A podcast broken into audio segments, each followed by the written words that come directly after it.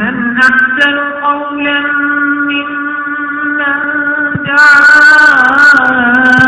إلى الله وعمل صالحا وقال إنني من المسلمين. قل لا إله إلا الله. أشهد أشهد أن لا إله إلا الله. إلا الله. وأشهد وأشهد أن محمد أن محمد رسول بسم الله الرحمن الرحيم. الحمد لله رب العالمين والصلاة والسلام على أشرف الأنبياء والمرسلين سيدنا وحبيبنا محمد بن عبد الله عليه أفضل الصلاة والسلام. أحبتي في الله إخواني وأخواتي أذكر مرة أخرى بإني بأني أحبكم في الله. وأسأل الله سبحانه وتعالى أن يرزقنا جميعا الإخلاص في القول وفي العمل. نعود مرة أخرى إلى دورة الإبداع في دعوة غير المسلمين. حقيقة المقدمة وما ناقشناه بالأمس فيما يتعلق بالمفاتيح مفاتيح القلوب لعلي أستعرض ذلك بشكل سريع للتذكير. ولمن أتى اليوم بشكل سريع هذا مدخل آخر ألا وهو كيف كيف كيف ماذا؟ كيف نكسب؟ نريد أن نكسب كما ترون على العرض السؤال هو كيف نكسب الناس؟ كيف نكسب الناس؟ كل الناس سواء المسلم أو غير المسلم. نحن أصحاب رسالة. نريد بعون الله وتوفيقه أن نهتم بالمسلم. أخي وأختي المسلمة ندعوهم إلى الله سبحانه وتعالى خاصة أحبتي في الله في هذا الوقت. في وقت الطوفان الجارف من الفتن والملهيات والمغريات. التي تكاد تعصف بشباب الأمة بل حتى كبار الأمة. فنود أن بإذن الله أنا وأنت أن نقف ونكون ممن قال الله سبحانه وتعالى فيهم قل هذه سبيلي أدعو إلى الله. على بصيرة أنا ومن اتبعني. أنا ومن اتبعني. إذا الرسول صلى الله عليه وسلم ومن يتبعه رجل أم امرأة؟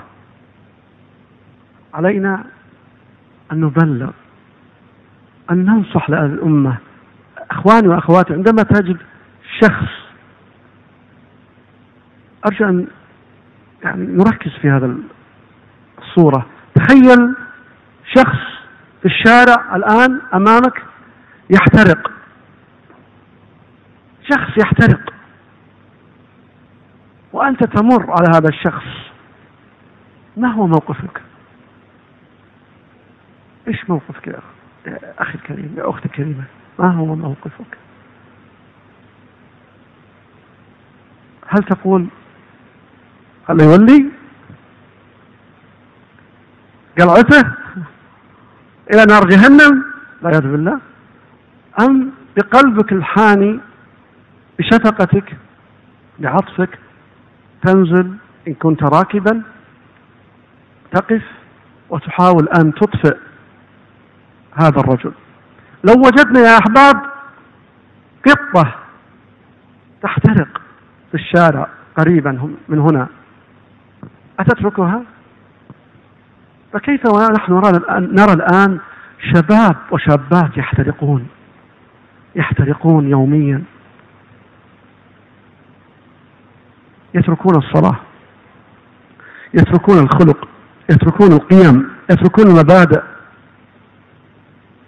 ويقلدون الغرب في كل شيء.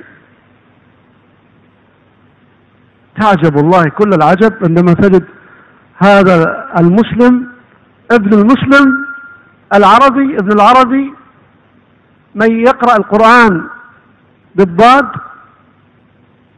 كيف سبحان الله يقلد قصة أو لبس؟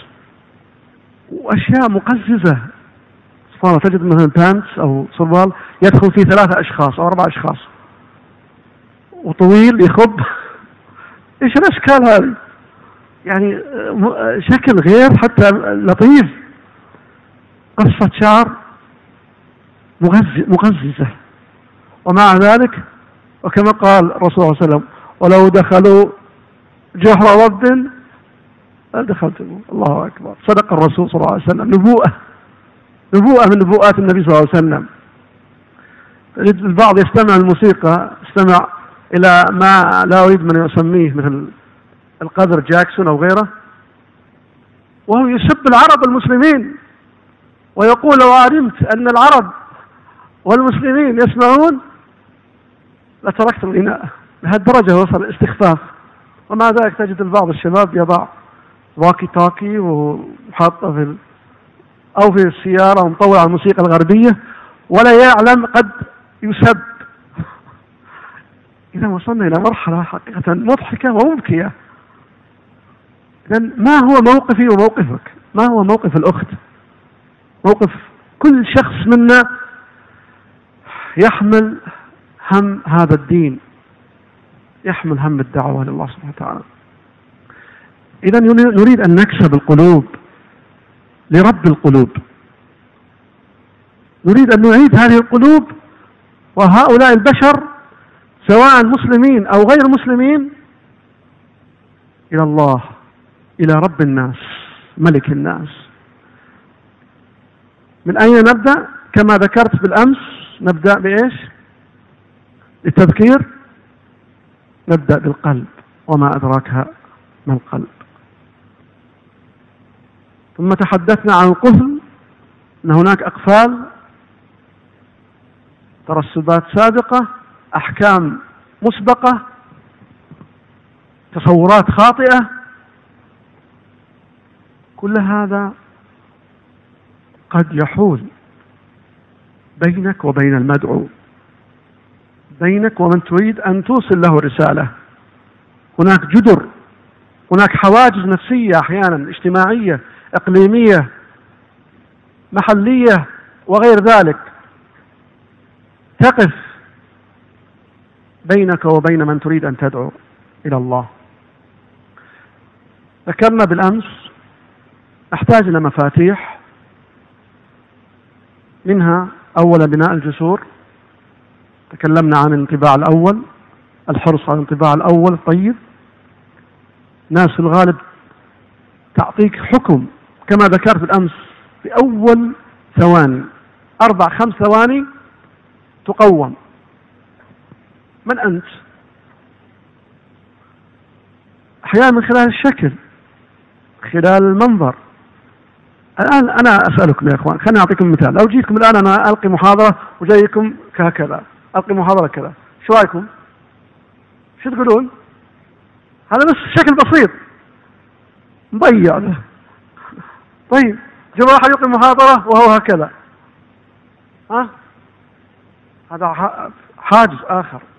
جاء محاضرة واحد حاط قال كذا. أنا بعطيكم الآن محاضرة يا إخوان. ما رأيكم؟ هذا انطباع. هذا انطباع. عندما مرة أخرى قضية الوقت. قضية الوقت. لما تقول لشخص الموعد هو الساعة التاسعة أو الثامنة أو غير ذلك. إلا أن يكون عذر قاهر. فقد يعذر. إذا الانطباع الأول مهم. ثانيا ابتسامة صادقة تبتسم بصدق وأمانة من قلب محب مشفق. ثالثا أن لا أريد حقيقة أن أكرر ما ذكرته بالأمس هذه برقيات سريعة لما ذكرناه بالأمس. قول الحسن تكلمنا عن الآية الكريمة وقولوا للناس حسنا. الكلمة الطيبة صدقة. إذا عندما نأمر الناس مثلا التمثيل حتى مع المسلمين يا إخوان. أنا أذكر لكم قصة. مرة كنت في مدينة ما كنا في مؤتمر. كنا في مؤتمر وجاء وقت صلاة العصر. مؤتمر للدعاة ما مررنا على بعض الشباب وكنا كما تقولون نحن في الدور الأول مثل محل الأخوات والشباب يتابعون مباراة مباراة لكأس العالم. فجاء أحد الإخوان الدعاة جزاه الله خير قال صلوا يا شباب صلوا اللي ما يصلي كافر. اللي ما يصلي كافر يا شباب صلوا. توقعوا إيش كان؟ كان الرد إيش كان الرد؟ بعضهم قال اقلب وجهك. تعرفون شلون اقلب وجهك؟ انقلع. هذا بعض الكلمات اللي جات اذا عندما نتكلم بهذا الأسلوب بقوة أحيانا بغلظة أنا أتصور أن هذا الأخ رغم حرصه وحرقته قد يكون فشل في الأسلوب. ألا تتفقون معي؟ لكن أنا كنت أقول لو نزل الأخ من الدور الأول إلى الشباب في البهو وقال لهم يا شباب ما ودكم تفوزون؟ ما ودكم تنتصرون في المباراة هذه؟ إيش يقولون في الغالب؟ ها؟ صارت مباراة مثلا دورة الخليج وغيرها يقولون إيش؟ بلى قال طيب يا شباب إيش رأيكم نصلي؟ وندعو الله سبحانه وتعالى إن الله إن شاء الله ننتصر. يعني ممكن يكون مدخل آخر اذا القول الحسن مهم في الدعوة إلى الله وكسب القلوب. وقولوا للناس حسنا. قضية أخرى الحب والاحترام. كما ذكرت الناس تحب أن ماذا؟ تحترم. أم تهان؟ لو أجي أمسك أحد الإخوان الحين وأشرشحه كذا تعال أنت اللي في الخلف تعال. شوك متأخر؟ شوف قاعد يضحك؟ حرشتني كأنه يقول سعد ولا عمر. سعد فضياف بين بين عمر وسعد.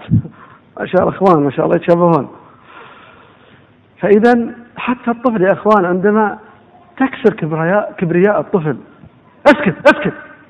كل ما تكلم اسكت. ما تفهم. تقتل فيه الاعتبار الذاتي يسمونه ال self esteem اعتبار الذات. ال self-esteem الآن يدرس للأطفال في أمريكا وأوروبا إنك to express yourself عبر عن نفسك. it's okay no problem وإحنا هنا لا اتكلم قل أسكت. ما تفهم. أو غير ذلك من كلمات إذا الحب بل حتى يا إخوان أنا أريد أن أؤكد على القضية يا إخوان مرة أخرى. عندما ندعو إلى الصلاة خاصة الشباب الآن الذي لا يصلي. نفس الأسلوب نكرره. لذلك هناك عدم تقبل. أحد أقول لكم هذه قصه يا أخوان. أحد الأطفال صغير عمره عشر سنوات. أبوه كله يضربه كله يضربه كل ما يضربه. في الأخير قال يقول أبوي طقني طقني طق. أبوي طق طق. خلاص تبلد. ما عاد فيه ضرب يستجن الأب. كل ما قال طقني يستجن. اذا نفس القضية يا إخوان. إحنا لو مسكنا إلى آه، مسكنا مثلا بعض الشباب. والأب في نجرة وياهم في خناق دائما كل يوم. صلى الله يصلحك صلى الله لا يبارك فيك الله يهلكك. لا سمح الله. وكل يوم هكذا وكل يوم هكذا. خلاص الشاب ما قاعد يتقبل قفل. هذه أيضا مشكلة يا إخوان. يريد أن نعيد النظر في هذه الأساليب. يجب أن ننوع بين الترغيب والترهيب. الرسول صلى الله عليه وسلم كان يرغب ويرهب. كان ينوع في الأساليب. كان يتخول من؟ من يا أحباب؟ يتخول من؟ يتخول الصحابة بالموعظة يتخولهم يعني يختار الوقت المناسب والطريقة المناسبة. مخافة إيش؟ مخافة السآمة عليهم. هذه قضية أخرى يا أحباب الحب والاحترام. عندما ندعو الأخوات في الجامعة في العمل في الج... في المحيط التي حولها في الحي الجوار وكذلك الأخوة. حسن الخلق والمعاملة. أيضا قضية أخرى كما ذكرت بالأمس. الرسول الكريم قال ماذا قال؟ وخالق الناس بخلق حسن. خالق الناس كل الناس بخلق حسن. لا أريد حقيقة أن أستطرد بينما سوف بإذن الله أشير إشارات سريعة لما ذكرناه بالأمس آه، للفائدة ولمن يحضر اليوم لأول مرة. معرفة الاسم والكنية. أيضا هذا فن آخر.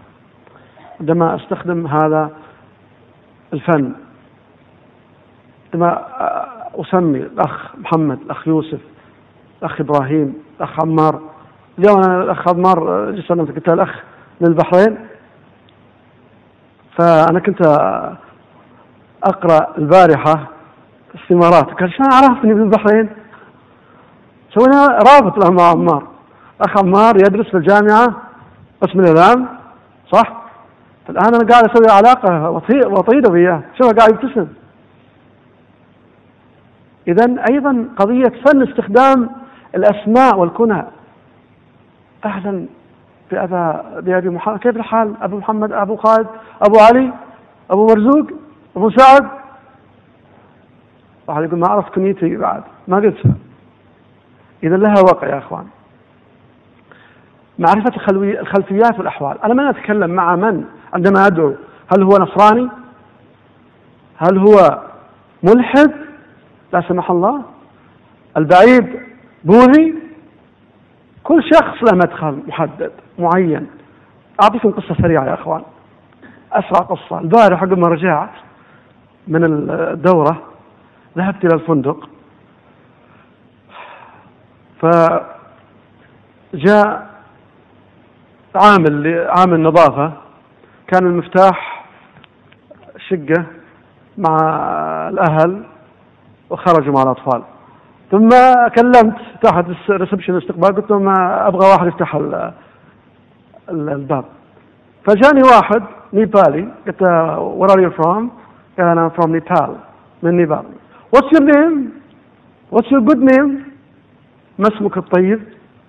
قال اسمي شيفا Oh, Shiva. Shiva, you know, in, in Hinduism, في البوذية يؤمنون ببراما شيفا and فيشنو you are one of them أنت واحد من هذه الثلاثة فقاعد يضحك قال كيف عرفت كيف عرفت إن شيفا إله في الهندوسية this is uh, based on my reading. بناء على القراءات اللي قرأتها. قلت لها now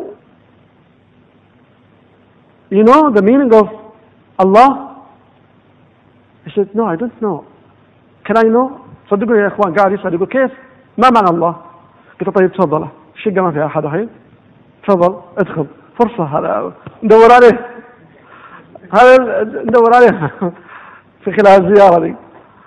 فدخل قعدت وياه جبت ورقة وقلم. للأسف الكمبيوتر خليته هنا. تأسفت إني خليته. لكن وريته صورة شيفا صورة أوريكم إياه الآن. هذا يا إخوان هذا الإله في الهندوسية. بما أني أتكلم عنها خليني أوريكم إياها عشان تصير الصورة واضحة وكاملة. شوفوا مفهوم الإله في الهندوسية. أنا راح أتكلم بإذن الله عن أديان المقارنة بعد قليل لكن انظروا إلى المفهوم مفهوم الإله. هذا مفهوم الإله في الهندوسية يقول براما شيفا فشنو؟ هذا تثبيت عندهم. براما الأب الخالق. شيفا أم فيشنو المنقذ والمدمر. مثل النصرانية عندهم الأب والابن المخلص وروح القدس المعزز يسمونه. المعزز أو المعزي. إضافة إلى ذلك يا إخوان يا أخوات هناك كما يقولون في مراجعهم هم أنا اطلعت على كتب هؤلاء يقولون هناك 33 مليون إله. كم؟ 33 مليون إله في الهندوسية وهم يعترفون بذلك على فكرة. يقولون لكل شيء هناك إله رام كريشنا إله الحب إله النار إله آه، آه، الحمار كرمكم الله إله القرد إله القط إله الكلب إله كل شيء له إله. هكذا يقولون. إذا معرفة خلفية المدعو تعين أو لا تعين؟ معي يا أخوان؟ هذا مثل الزر تضغط عليه. يقول أنا شيفا أوه كيف عرفت شيفا ودخلنا في حوار ساعة إلا ربع إلى أن دقوا عليه تحت الريسبشن وين المفتاح؟ جيب المفتاح. نعود مرة أخرى إلى المحاضرة الرئيسية. إذا معرفة خلفية المدعو وحاله يا أحباب مهمة. معرفة حال المدعو أحيانا تتكلم عن وكما ذكرت بالأمس الرسول صلى الله عليه وسلم عندما أرسل معاذ إلى اليمن أخبر معاذ عن خلفية المدعوين. قال له لأنك تذهب إلى قوم أهل كتاب. أعطاه الخلفية. من هم؟ قوم أهل الكتاب إذا أحاطه أعاطه أعطاه خلفية عن خلفية المدعو. الحال حال المدعو تتفاوت. بين رغبة ورهبة بين استعداد وعدم استعداد بين حالة حالة النفسية غضب حزين مبسوط وقت مناسب غير مناسب.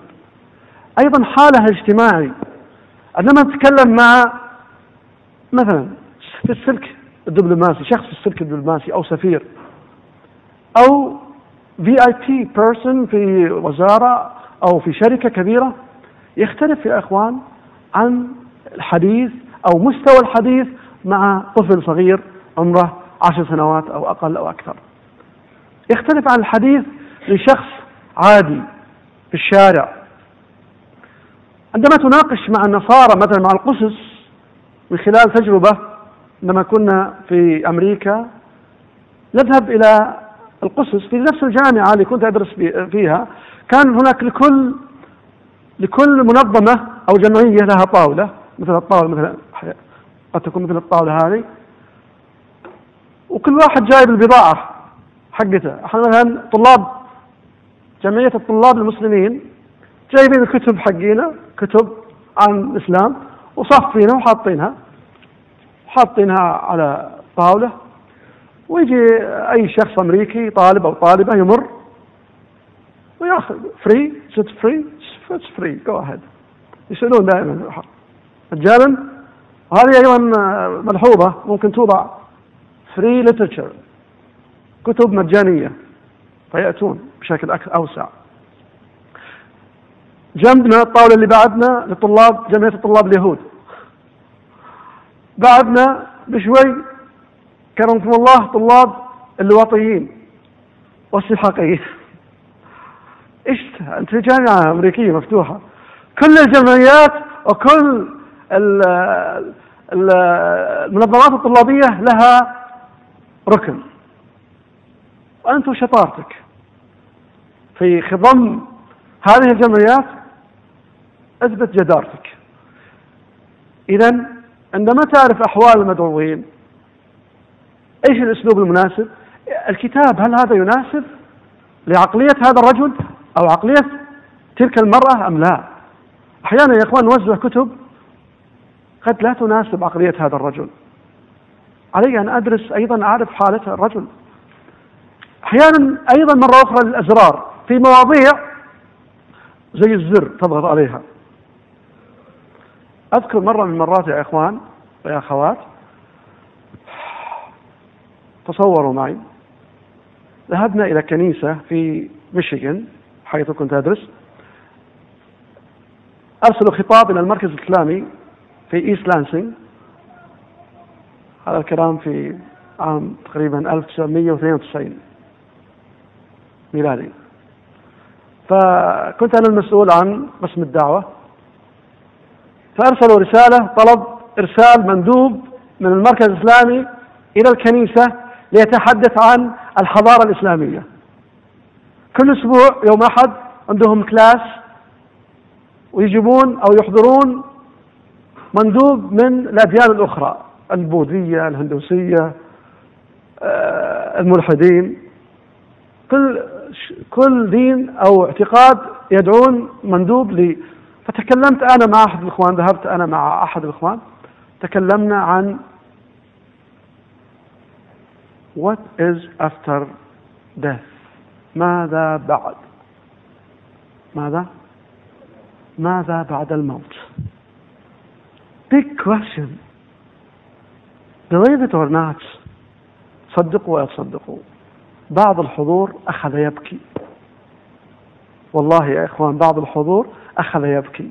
عندما تحدثنا عن الجنة والنار لأن صار يعانون من فراغ كبير في موضوع the kingdom of heaven. لأن في إشارة في الكتاب المقدس إلى kingdom of heaven. مملكة السماء أو نقول الجنة بمعنى آخر. لكن ليست هناك معلومات كافية في هذا الجانب. فعيسى عليه السلام عندما تقرأ الكتاب المقدس يقول My kingdom is not here. It's there. The kingdom of heaven. فهم يقولون ما هذه الجنة وما هذه الحياة الأخروية. ليست هناك تفاصيل كافية في الكتاب المقدس عن هذا الجانب. في العهد القديم أو في العهد الجديد. فعندما تتكلم عن الجنة والنار وما الله سبحانه وتعالى عد لعباده المؤمنين وتصف لهم الجنة إذا بهؤلاء البعض منهم يبكي. فراغ روحي فممكن أنت تغذي هذا الفراغ وتكسب قلبه. قضية أخرى تقديم المساعدة والخدمة. هذه قضية ما ذكرتها بالأمس الآن أتكلم عنها. على فكرة يا أحباب جميعا كلكم أحبابي في الله هناك مذكرة كما ترون الإبداع في دعوة غير المسلمين. هذه مذكرة مطبوعة وجاهزة وأنا أحضرت خمسين نسخة وسوف تسلم للأخوة في إدارة الدعوة. أنا لا أريد حقيقة أن أوزع المذكرة الآن لأني أعرف من خلال تجربة أن البعض يقرأ. أنا أسأل أسئلة كثيرة كما ترون عن ماذا سيأتي بعد قليل ماذا ستقوم به في هذه الحالة. فعندما أوزع المذكرة في الغالب البعض ينشغل ينشغل بالقراءة أو الاطلاع على الإجابات بشكل مسبق ثم يعطيني الإجابة. يقول ما شاء الله معانا على طول الخط. تقديم المساعدة والخدمة. وهذه على فكرة يا إخوان أيضا يستفاد منها في التدريس وإلقاء المحاضرات. لا تشغل الحضور بأي شيء آخر. لا توزع عليهم الكتيبات في البداية. يعني بعض الدعاة يذهب إلى محاضرة ثم يبدأ يوزع الكتيبات من البداية. أنا عندي الكتيبات اللي قلت لكم عنها أمس موجودة عندي. Just one message. لكن أنا أعرف في الغالب لو وزعت هذه الكتيبات خاصة في حال الدعوة لغير المسلمين البعض منها بعض من الحضور قد ينشغل خليه يتكلم علي منه. ويبدأ يتصفح. خلاص الفكرة هذه ما راح أتعب روحي أركز معه. خله في حالة. فإذا هذه أيضا قضية أخرى يا إخوان من باب الفائدة. لا توزع شيء على الحضور خاصة إذا أردت انتباههم. أنت تريد الآن انتباه. تريد أن تجذب انتباههم. تقديم المساعدة والخدمة. وسيلة أخرى في كسب القلوب أنك تقدم خدمة. تقدم خدمة يا إخوان للآخرين. النصارى دخلوا من هذا الجانب على أوسع الأبواب. عندما تذهب إلى بعض الدول تجد يقدمون العلاج التعليم بل حتى الوظائف لمن يريد. أعطيكم قصة سريعة ألخص لكم فيها هذا الجانب ولعلي أستعرض معكم أيضا شريحة عن التنصير بشكل سريع لا إله إلا الله رسول الله لعلي أعود لها بعد قليل. أحتاج أني أخرجها من الملف. لكن فيها أشياء محزنة حقيقة. يعني أشياء محزنة ولا تخفى عليكم. كيف يعملون؟ في قصة سريعة. كنا في دورة قبل سنتين تقريبا. في دورة شرعية في كوريا الجنوبية في سيول ففي سيول هذه مدينة عاصمة. يوجد فيها مركز إسلامي وحيد فقط. مركز إسلامي فقط واحد في كل سيول القائمين على المركز كوريين ولكن للأسف الشديد عندما يأتي الأخوة المسلمين الأخوة من المسلمين يأتون يقول لهم بعد الصلاة سكر الباب التكييف أو الهيتر يوقف عندما سألنا لماذا يغلق الباب بهذه السرعة قالوا لا نريد لا نريد هؤلاء من المسلمين من جنسيات آسيوية وغير آسيوية ينامون في المسجد. فيقول لي المسؤول الكوري يقول واللعاب يسيل على على الفرش ويصير الريحه خايسة غير جيدة. طيب ما البديل؟ سكر. خلاص صلوا سكرنا. الكنيسة المجاورة يقول لي أحد الأخوة الباكستانيين إذا طردوا من, من, من هذا المركز ذهبوا إلى الكنيسة. انظروا يا أخوان شوفوا المعلومات اللي تعطي. أول شيء أول ما يدخلون يعطونهم لباس وفوطة تاول تيك شاور أول خذ حمام خذ خذ شاور. وبعد ما ياخذ الشاور يقول يعطونا وجبة دافية ساخنة. ثم يقول هذه الغرفة مجهزة لك. وفي الصباح من اليوم الثاني يقولون له ما العمل الذي تريد أن تعمل فيه؟ شو العمل الذي تستطيع أن تعمل فيه؟ أكثر من شخص أخبرني هذه القصة يا أخوان. يوجد في كوريا الجنوبية والله شيء ما وجدته يا إخوان ما أبالغ. يعني رحت كثير من دول أمريكا كندا أوروبا أستراليا نيوزيلندا وغيرها وغيرها لكن ما وجدت هذا إلا في كوريا. كيف؟ البعض منكم قد يكون ذهب ويفيدني هذا الجانب أول ما أول ما نزلنا سيول الفجر الساعة خمس الفجر فيلفت نظرك كراسز صلبان تخيلوا يا إخوان حاولوا الآن تأخذون صورة ذهنية تتصورونها. صليب طوله ما يقارب 20 متر مضاء. تخيلوا الشكل؟ صليب مضاء باللون الأبيض في وسط هذا الظلام الدامس. طبعا الساعة خمس يوم كنا بذاك الوقت كان قبيل الفجر تقريبا. الآن طبعا الساعة خمس الآن تختلف. فتجد الصليب يشق السماء هكذا في الوسط وفوق يضعون فوق العماير أو فوق جبال في أماكن بارزة. شيء عجيب. يقول لي أحد دكتور كوري باحث كوري يقول يقول هنا في كوريا عندنا 400 جامعة نصرانية.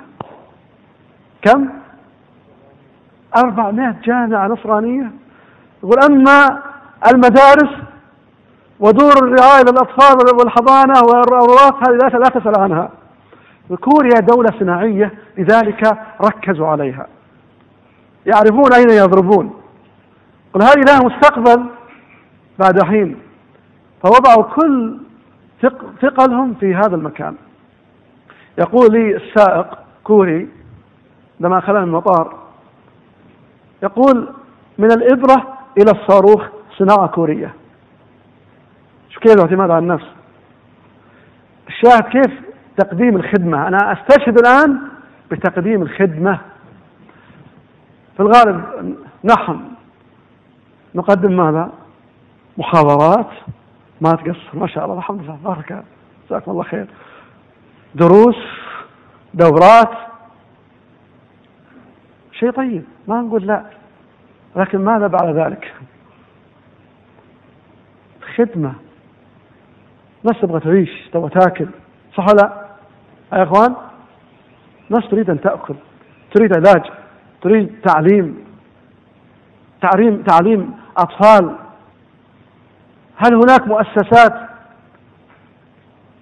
أو عمل مؤسسي بشكل محترف يقوم على هذا الجانب تقديم العلاج وكذا و و إذا تقديم الخدمات يعني مثلا نتكلم عن وضع الدعوة ها هنا أو في البلاد الإسلامية بشكل عام نستطيع أن نقدم خدمات مثلا عندما يأتي العامل أو يأتي الموظف نستطيع أن نستقبله في المطار ألا نستطيع؟ تستطيع أن تقدم له خدمة ترجمة أول ما يأتي الأخ منين؟ من أين؟ قال لك أنا من فلبين. الأخ مسلم هذا مترجم. الأخ عيسى مترجم. ما شاء الله. الحمد لله. يقول الأخ من أين أنت؟ أنا من سريلانكا. طيب عندنا الأخ وين؟ الشيخ سليمان. ها؟ شيخ سليمان. ما شاء الله. شيخ محمد. الشيخ من أفغانستان موجود. عذرا بعض الأخوان يقول ليش ما ذكر اسمي؟ مرة أخرى. رجاء أعذروني. لا أستطيع أن أحيط بالجميع. ولكن هذه أمثلة ها؟ أنا أيضا أستدل بذلك أهمية استخدام الاسم والكنية. ألا ترون أهمية ذلك؟ خاصة الدعاء الآن لما ذكرنا أسماءهم لا يزعلون إذا نستطيع أن نقدم كورس أو دورة في اللغة العربية مجانية. نرسل رسائل إلى مثلا السيركل الدبلوماسي إلى السفارات إلى الشركات الأجنبية الأوروبية.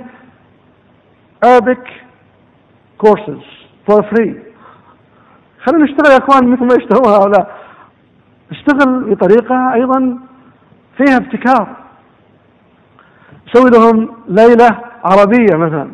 الليلة العربية خيمة وفي قهوة وفي جيب لهم جمل وناقة وبعير وجيب لهم آه، بعض مضارب البادية. تفضل يا اللي يحبونه يا إخوان ترى يحبون الجمال. يذهبون يصورون مسافات عشان يصوروا فوق الجمل فبالنسبه لي يقول شيء عادي هذا لكن أنا وجدت بعض الأمريكان وغيرهم يذهب إلى منطقة مثلا من مدينة إلى مدينة ليذهب إلى الجمال ليصور مع الجمال بس وفر له هذه الخدمة هل هذا صعب؟ ما عندكم جمال هنا يا إخوان؟ ها؟ يوجد اذا نستطيع أن نقدم خدمات غير مباشرة. هذه تجدد يا إخوان. الأمور الثقافية الأمور التراثية تجدد. عندما نقول إسلام ما حد يجيك. دعوة؟ ماذا تريد من الدعوة؟ تغير ديني؟ عندنا يقول معصي ما أجيك. ما أجي ما يحضر. اذا يجب علينا أن نتفنن في تقديم الخدمه والمساعده للمسلمين وغير المسلمين. تكلمنا بالأمس عن الهدايا. في أحد من الإخوان وين اللي راح بالهدية؟ فين الهدية؟ ها؟ خلاص صدرت ها محمد؟ راحت؟ طيب. إذا بعد ذلك عندما نتكلم عن هذه الأمور يا إخوان ماذا ترون؟ قلب. ينبض بدون بدون أين القفل يعني تخيلوا يا إخوان بعد ترحيب بعد انطباع جميل بعد ابتسامة صادقة بعد قول طيب كلمة طيبة بعد حب واحترام بعد استخدام الأسماء واستخدام الخلفيات والاستفادة من كل هذا والهدية ومعرفة الخلفيات. في الغالب ماذا تتوقع؟ يفتح الخط ولا يسكر في الغالب ينشرح ينفتح بإذن الله وتكسب القلب. بعد ما ننتهي من المرحلة الأولى مرحلة تعبير الطريق زفزفة الطريق الآن نبدأ مرحلة ثانية. ما هي؟ ما رأيكم؟ ما هي الآن؟ ما هي الثانية؟ أيوة يا شيخ. نعم؟ الرسالة. جميل. إذا أنا عندي الآن رسالة. أريد أن أوصل الرسالة. كيف أوصل الرسالة؟ قبل ذلك أنا تذكرون يا إخوان في ورقة لعل أحد الأخوات باراشوت أتى من السماء. في ورقة سقطت هناك. الآن أخي الداعية أنت كداعية أو أخي أو أختي الداعية. شكرا جزاك الله خير. الآن ماذا تقوم؟ أنا سألت أمس السؤال أكثر من مرة وكتبتموه جزاكم الله خيرا. أنا أريد شفويا. الأخت تقول نرجو فتح التلفزيون العلوي لمشاهدة المحاضرة. والله يا إخوان ويا أخوات طلبت من الإخوان بالأمس واليوم أكدت على حق الأخوات في التفاعل ولو عن بعد معنا. يستطيع على الأقل يطالعون العرض. فما أدري اللي يعني الآن صار أو يصير. لعل إن شاء الله يعد غدا. أنا والله كنت أقول لإخوان أتمنى لو فيه شاشة مثل هذه فوق هناك. أو توضع شاشة أخرى داتا شو يوضع هناك وبصير أسهل للأخوات يتابعنا معنا ما ما ترون. ما ما يخفى عليكم ترى الجانب البصري والصورة لها تأثير كبير. وبعض الناس ترى بصريين أكثر من سمعيين يريدون أن يشاهدون. ما تشاهد ليس ما تسمع. هذا في الغالب ما يبقى طيب ننتقل إلى النقطة الثانية ألا وهي ماذا؟ أنا أبغى أريد أن أسأل الدعاة الآن عندما تريد أن تعرف بالإسلام لماذا تبدأ؟ محاضرة للتعريف بالإسلام بماذا تبدأ؟ ها يا شباب يا إخوان بماذا تبدأ؟ تريد الآن عندك محاضرة أو ذهبت إلى لقاء شخص يريد أن يعرف عن الإسلام. بماذا تبدأ؟ نعم؟ بالتوحيد. جميل. يعني هذا الآن الأخ يقول أنا أبدأ برسالة التوحيد. تفضل أخ حمار. لماذا خلقنا؟ يعني الآن الأخ حمار يقول أنا عندما أبدأ محاضرة أو تعريف بالإسلام أطرح عليهم القضية. لماذا خلقنا؟ تفضل يا أخ الخلف نعم. تبدأ بالسلام. جميل. إحنا بدأنا بالتحية والمدخل القلبي. هذا انتهينا منه أخي الفاضل. الآن نبغى توصيل الرسالة بماذا تبدأ؟ ما زلت أكرر السؤال لأمس أنا أبغى بدقة يا إخوان. أبغى بدقة لا ندخل في الأسلوب أو في طريقة. أبغى في مادة مادة علمية تقدم. طيب آه نأتي لك بس بعض الأخ رفع يده قبل. من تعب؟ هذا سؤال ممكن نبدأ به. جميل. إيه، تفضل يا شيخ. نعم. بما يناسب حال المدعو. جميل. الأخ.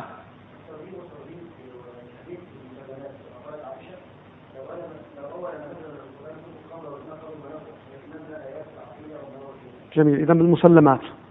يعني خلينا نقول عقيدة توحيد الأشياء الرئيسة. الشيخ آه، رفع يده ثم الشيخ. تفضل. نعم. تعريف بالله سبحانه وتعالى. جميل. تفضل شيخ.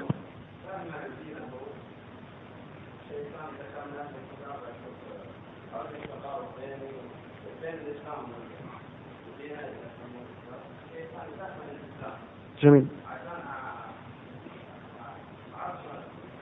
جميل. جميل. آه أخ عيسى. What do you think? Do you have any answer? أوكي أنا ذكرت يا إخوان أنت تريد الآن تعرف بالإسلام. كلفت بمحاضرة تذهب لتلقي محاضرة للتعريف بالإسلام. تفضل يا شيخ. الهدف من الحياة كما قال عمار لماذا خلقنا؟ ها؟ تفضل. أمور مشتركة مشتركة بيني وبينك. تفضل يا شيخ. نعم. أنا لو عندي هدية أعطيتك إياها. بس تفضل هذا هدية على الطاير كتاب. تفضل يا شيخ.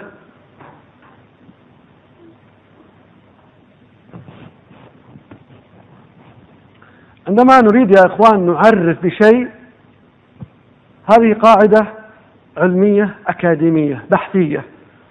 أيضا في البحث عندما تريد أن تكتب بحثا في الماجستير أو الدكتوراه أو أي بحث علمي يجب عليك أن تحدد ماذا؟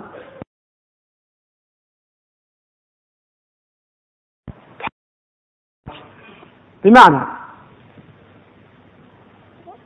الآن أنتقل بكم إلى ثانيا ألا وهو تحديد الأسماء والمصطلحات. أنا أريد أن أعرف بالإسلام ما هو الإسلام؟ ما الإسلام الذي أنا بصدد أن أتكلم عنه؟ هل هو يا إخوان ويا أخوات لو تكرمتم ركزوا معي في النقطة قضية فيها أيضا تحليل ذهني لكيف يفكر هؤلاء. أنا أتكلم عن شخص غير مسلم.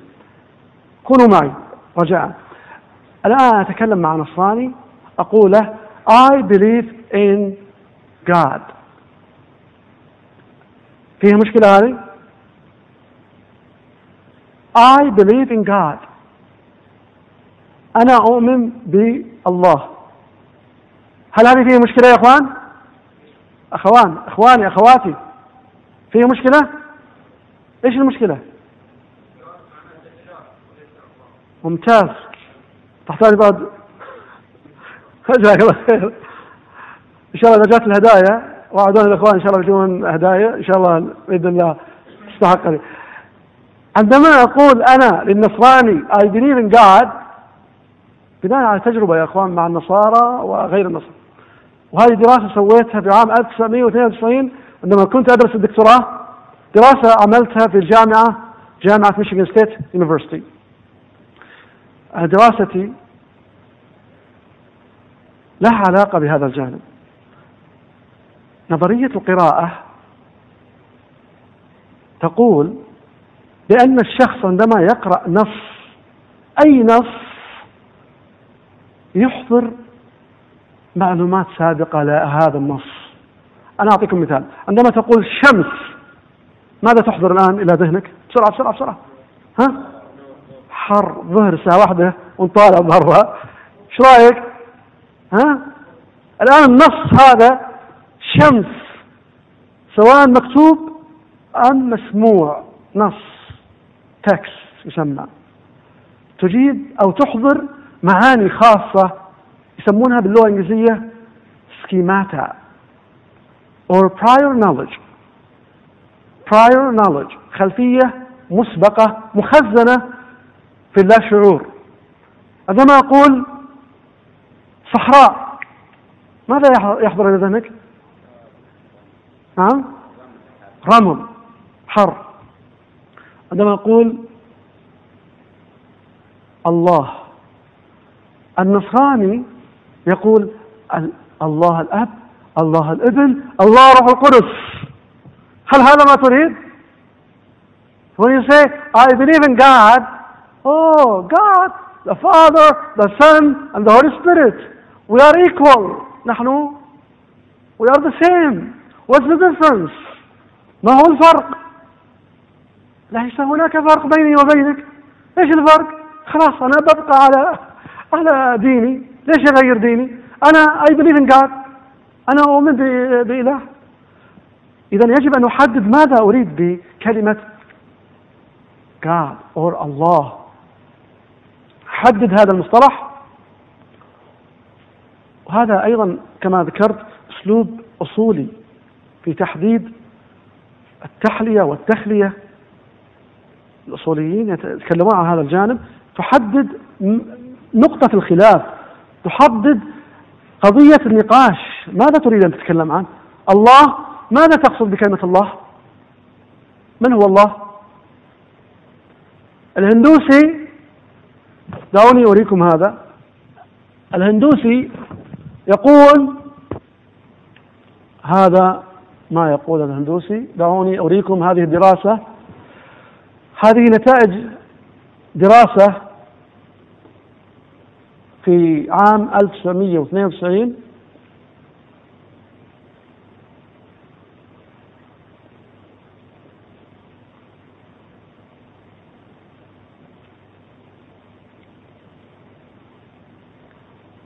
هذا يا إخوان ملخص سريع عن الأديان المقارنة. لعل إن شاء الله نتطرق لها بكرة غدا إن شاء الله. المدعو أو الداعي يجب أن يعرف حال المدعو أديانه أديان هؤلاء. تستطيع أن كما ذكرت قبل قليل تضغط الزر المناسب. معي؟ Hindu أو Hindu Hinduism Hindu Trinity. عندهم هذا أنا أخذته من نفس القاموس حقهم. يقولون Hindu Trinity التثليث الهندوسي. موجود عندهم أيضا. يقولون Brahma the Creator إذا من إلههم هؤلاء؟ من هم إذا قلت I believe in God يذهبون إلى من؟ Brahma the Creator هذا هو الإله بالنسبة لهم. إذا عندما تقول أنا أؤمن I believe in God الهندوسي يقول براما شيفا فيشنو؟ هذا خوينا فيشنو؟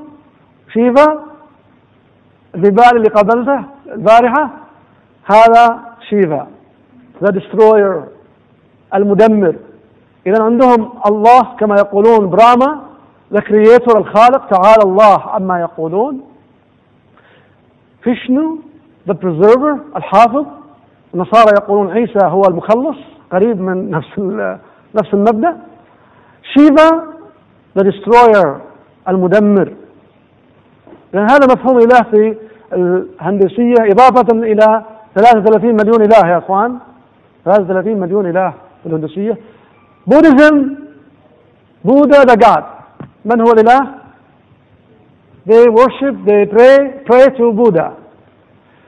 Judaism يهودية.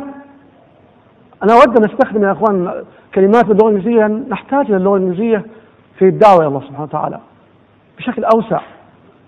يعني أنت الآن يور كاستمرز أو عملائك اللي تتعامل معهم في الغالب بأي لغة؟ في الغالب أنا طبعا لا أتكلم عن بعض الدعاة مختصين في دعوة الجاليات الأردو أتكلم بشكل عام في الغالب باللغة الإنجليزية نحتاج اللغة الإنجليزية Judaism اليهودية they believe in what? Special God إله خاص بمن؟ ببني إسرائيل يقولون في الكتاب المقدس The God of Israel صح شيخ عيسى ها أنا مسلم ما شاء الله جديد وداعية الآن كان نصرانيا ثم أسلم Did you read the Old Testament all all the Old Testament Did you read it many times You know about this the Old Testament talking about the the God of the Jews, right? Exactly. فإذا عندما تقول I believe in God أنا أؤمن بإله أو الإله. إله من؟ إله اليهود. كما يعتقد اليهود. عندما تقول النصارى النصارى أو النصراني I believe in God ترينيتي تثليث. كلمة ترينيتي أخوان أخوات تثليث. المصطلح قد يحتاج إليه لمعرفة كيف نتكلم مع هؤلاء. Do you believe in Trinity تؤمن بالتثليث؟ God the Father God the Son God the Holy Spirit الإسلام أو المسلم one through God the Creator طبعا مرة أخرى هذا للتسهيل يا إخوان رسالة واحدة بشكل مبسط أنا أعطيهم هذا يقول لهم God Allah the Creator خلق آدم very simple gave him one message God is one do you, agree هل توافقون معي؟ أنا أقول النصارى يقول agree with you. نوافق معك نتوافق معك. بعد ذلك Allah أرسل نوح. Noah and he gave him the message God is one. الله واحد. هل تتفقون معي؟ نصارى؟ قالوا نعم. أبراهام. إبراهيم عليه السلام. ماذا قال؟ God is one. Moses. موسى عليه السلام. ماذا قال؟ لا إله إلا الله God is one ثم أقول لهم okay now wait wait wait wait wait wait wait now hold on الأنصار الآن أنا بتكلم مع let's take it easy now خطوة خطوة حبة حبة أنا عيسى said what ماذا قال عيسى did he say believe in one or three uh, make it like this one or three what did عيسى say? ماذا قال عيسى؟ قال عيسى الله واحد. محمد أخيرا خاتم الأنبياء والرسل أتى بنفس الرسالة God is one. This is it. Finish. خلاص انتهينا. هذا الرسالة. خمس دقائق انتهينا. What do you think? Well, this is logical. I accept it. You need proof. أقول له تبغى دليل؟ خذ دليل. دليل من العهد القديم. العهد القديم يقول Hear, O Israel, the Lord our God is one Lord. اسمع يا إسرائيل الرب إلهنا إله واحد. ماذا تريدون أكثر من هذا؟ توحيد. نتكلم عن التوحيد هذا هو التوحيد في الكتاب المقدس. لم تحرف. هذه كلمة وعبارة واضحة. اسمع يا إسرائيل الرب إلهنا إله واحد. جيترونومي سفر التثنية ستة أربعة. الإصحاح السادس فقرة الرابعة طيب أنا أقول صار طيب أنت يمكن ما تقبل بما قال موسى.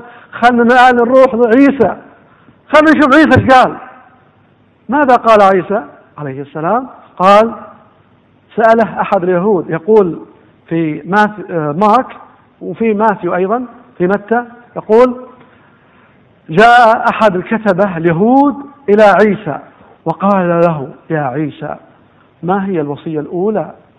قال له عيسى الوصية الأولى هي اسمع يا إسرائيل الرب إلهنا إله واحد. إذا عيسى أتى بإيش؟ نفس الرسالة. الله واحد. قل هو الله أحد. وهذا ما أرسل الله به إلى محمد صلى الله عليه وسلم. أقول لهم ومحمد صلى الله عليه وسلم آخر الأنبياء لم يأتي بجديد. لم يأتي بجديد بل حمل نفس نفس الرسالة. محمد قال ما قال موسى وما قال عيسى وما قاله إبراهيم والأنبياء من قبله قل هو الله أحد وهذا جزء من الدليل ثم نعرف لهم أحبتي في الله the meaning of Islam كما ذكر الأخ الكريم What is Islam? What is, what is Islam? Submission to the will of the one true God. تسليم لله الواحد الأحد عندما أتكلم مع النصارى خاصة تجدون عجب يا إخوان في الكتاب المقدس في الكتاب المقدس تجد كلمة أو معنى الإسلام في الكتاب المقدس أنا أقول للنصارى هل تصدقون ذلك؟ نستطيع أن نجد الإسلام ومعنى الإسلام في الكتاب المقدس Can you believe it? Oh, how come? كيف؟ كيف؟ يقول له okay let's go to the Bible I delight to do thy will my God oh my God thy law is within my heart Psalms 48 to do the will of God what is the meaning of عمل ما مشيئة الله عمل ما يرضي الله. إيش معناها يا إخوان؟ إيش معناها اذا انصعت إلى أوامر الله. ما معناها؟ إسلام. الخضوع لله والاستسلام خضوع له بالطاعة. في مقطع آخر يقول teach me to do thy will. علمني لفعل إرادتك يا الله. For thou art my God لأنك أنت إلهي. مقطع آخر. عيسى يقول هذا أيضا النصارى قوية من العبارات اللي وجدتها قوية. أيضا الشيخ أحمد دات والشيخ يوسف بوكس يستخدمون هذه الآيات دائما في مقارنة الأديان خاصة مع النصارى. يقول Whoever does the will of God is my brother and sister and mother.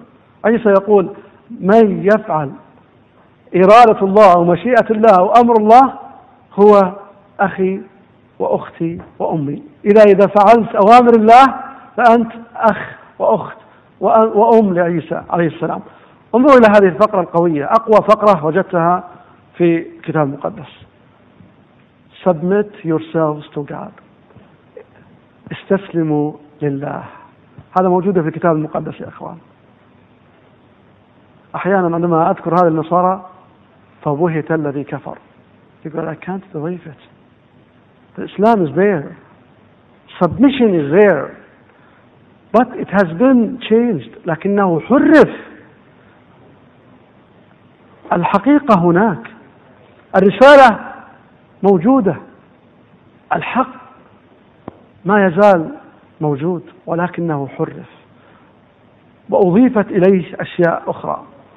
هذه الفقرة submit yourselves to God هو ما ذكرناه قبل قليل. ما معنى الإسلام يا أخوان؟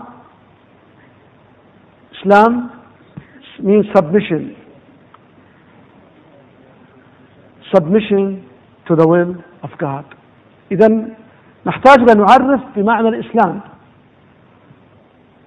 هذا يا أخوان كم خذنا؟ كم خذنا الآن في هذا المقطع؟ أقل من عشر دقائق. خلاص انتهت المحاضرة حق النصراني انتهت. أقول خلاص ربع ساعة عشر دقائق انتهينا في أسئلة؟ طيب يا إخوان في أسئلة الآن على هذا الجزء؟ في فوق؟ في أسئلة فوق؟ ما شاء الله أخوات ما شاء الله متفاعلات ما شاء الله الله يجزيهم وإياكم كل خير الأخت تقول ما نلحق في كتابة المكتوب عذرا إن شاء الله بإذن الله أعطيكم هذه الإصحاحات وهذه العبارات في هذا الكتاب رسالة واحدة فقط باللغة الإنجليزية. بإذن الله سأقوم بتوزيعها إن شاء الله. طيب نعود مرة أخرى إلى تحديد المصطلحات. على فكرة هذه حلقة تلفزيونية قدمت قدمت قبل فترة. كما ترون ابيسود حلقة رقم 34 تفضل يا مش واضح؟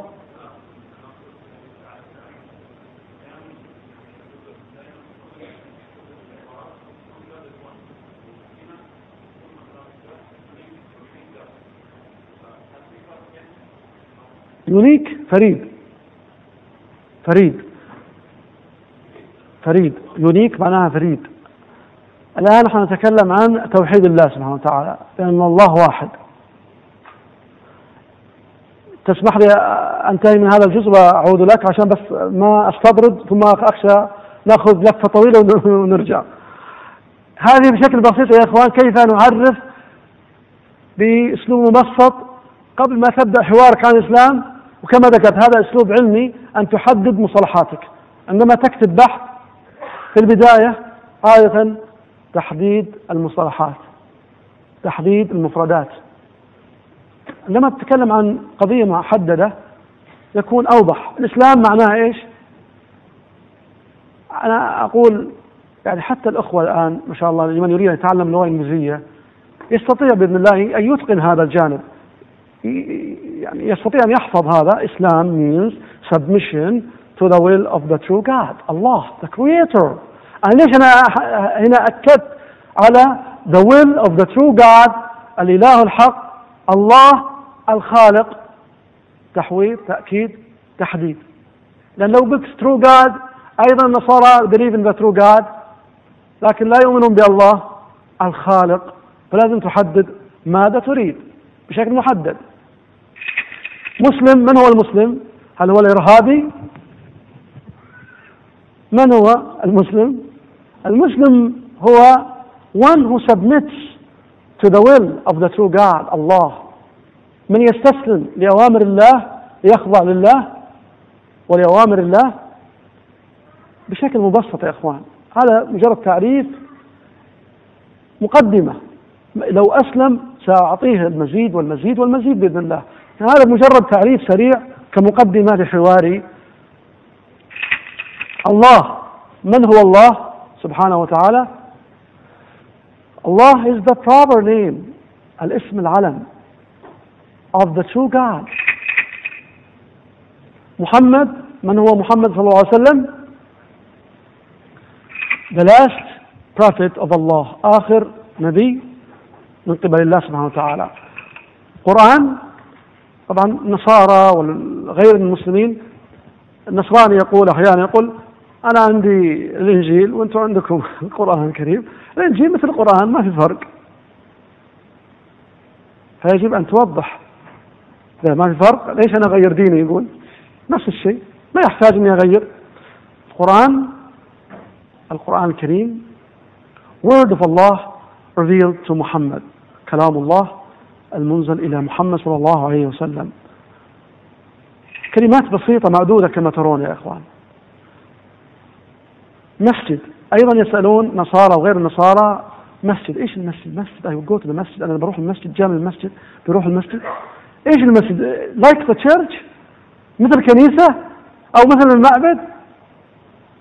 المعبد الذي يذهبون لا الهندوس أو غيرهم. إذا بكلمات مبسطة أنا أعرف لهم كثير من النصارى أو غير المسلمين عنده فضول. يقول يقولون يعني بعضهم يصارحك يقول إيش قاعد يسوون أنتم هناك؟ تسوون داخل؟ يبغى يعرف إيش قاعد يسوون أنتم في الداخل مشكلة كبيرة بالنسبة له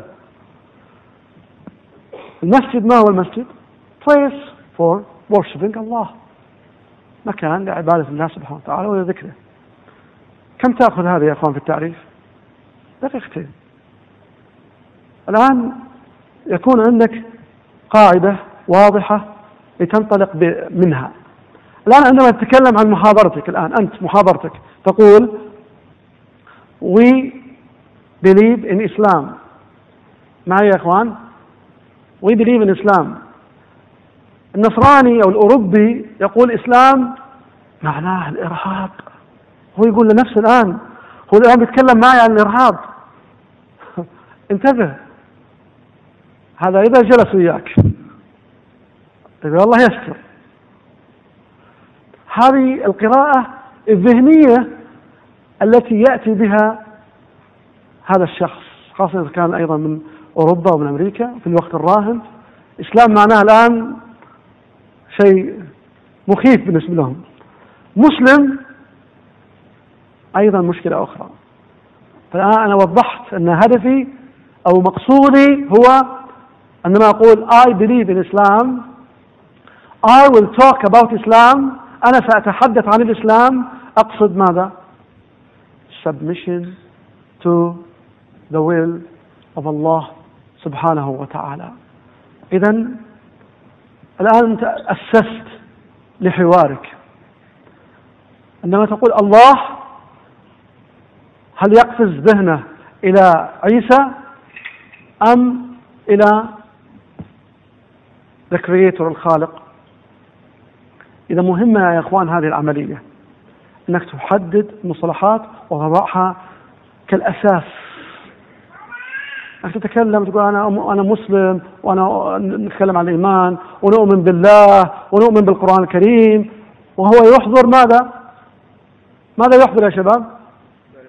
معانيه الخاصة به هل هذه المعاني التي تريد أن تبقى في ذهنه قد تكون معاني مغلوطة طيب أعود إلى الشيخ الفاضل تفضل. تفضل. أو نسيت الفكرة راحت. تفضل. أنت. أيوه تفضل يا شيخ. الشيخ الشيخ الفاضل خلفك نعم. تفضل. نعم.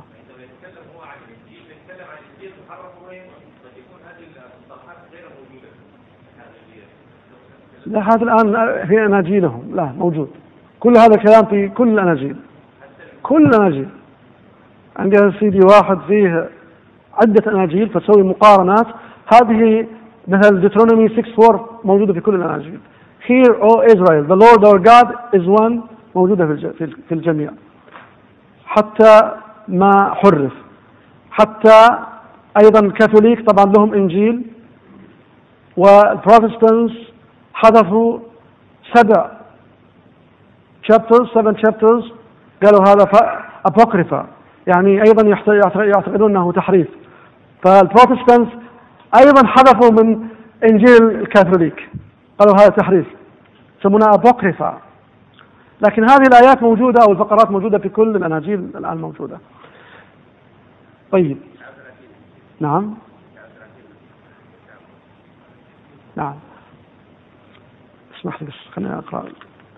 كيف أدعو نصرانية غير متعلمة إلى الإسلام وغير إنجليزية هندية؟ ما شاء الله عندنا دعاء هنا هنود بعد يمكن يتزوجها كان هو. كان بعد؟ كان هو غير متزوجة؟ ها يا شيخ غير متزوج أنت؟ غير متزوج؟ آه إن شاء الله تتعلم الإسلام على يد الرجال. هذه إن شاء الله الإجابة على الأسئلة. حقيقة أود أن أؤخرها قليلا حتى لا نبتعد عن صلب المحاضرة. حول المحور هذا تفضل يا شيخ.